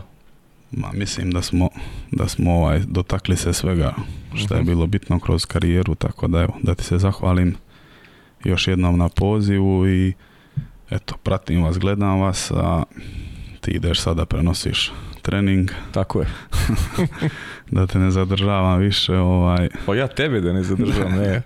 ja sam na odmoru. Tako Ti si na odmoru, a da, dobro, dobro, dobro. Hvala ti još jednom na pozivu i pozdrav za sve gledalce. Hvala tebi puno, Darko, na, na ovom gostovanju. E, kažem, ovo je bio e, vanredni podcast i bit ćete obavešteni kada će, kada će biti emitovan, to će biti sigurno u skorije vreme, a ja vas pozdravljam za ovu priliku i idemo idemo, da, aj ovo secio, nema potreba da pričam, da. I secio, nema potreba da pričam, da. taj ima ja da pričam, to, kad bude emito, oni će da gledaju, vidi. Ma, samo odju, da. Dame i gospodo, gospodo, to je bio Darko Brguljan. E, kada su u pitanju neki sledeći podcast i sledeće gostovanje, informišite se na našim Instagram profilima, Aleksandrinu na Sarinom i na mom i uživajte u praćenju podcasta pod kapicom. Do sledećeg druženja. Hvala na pažnji.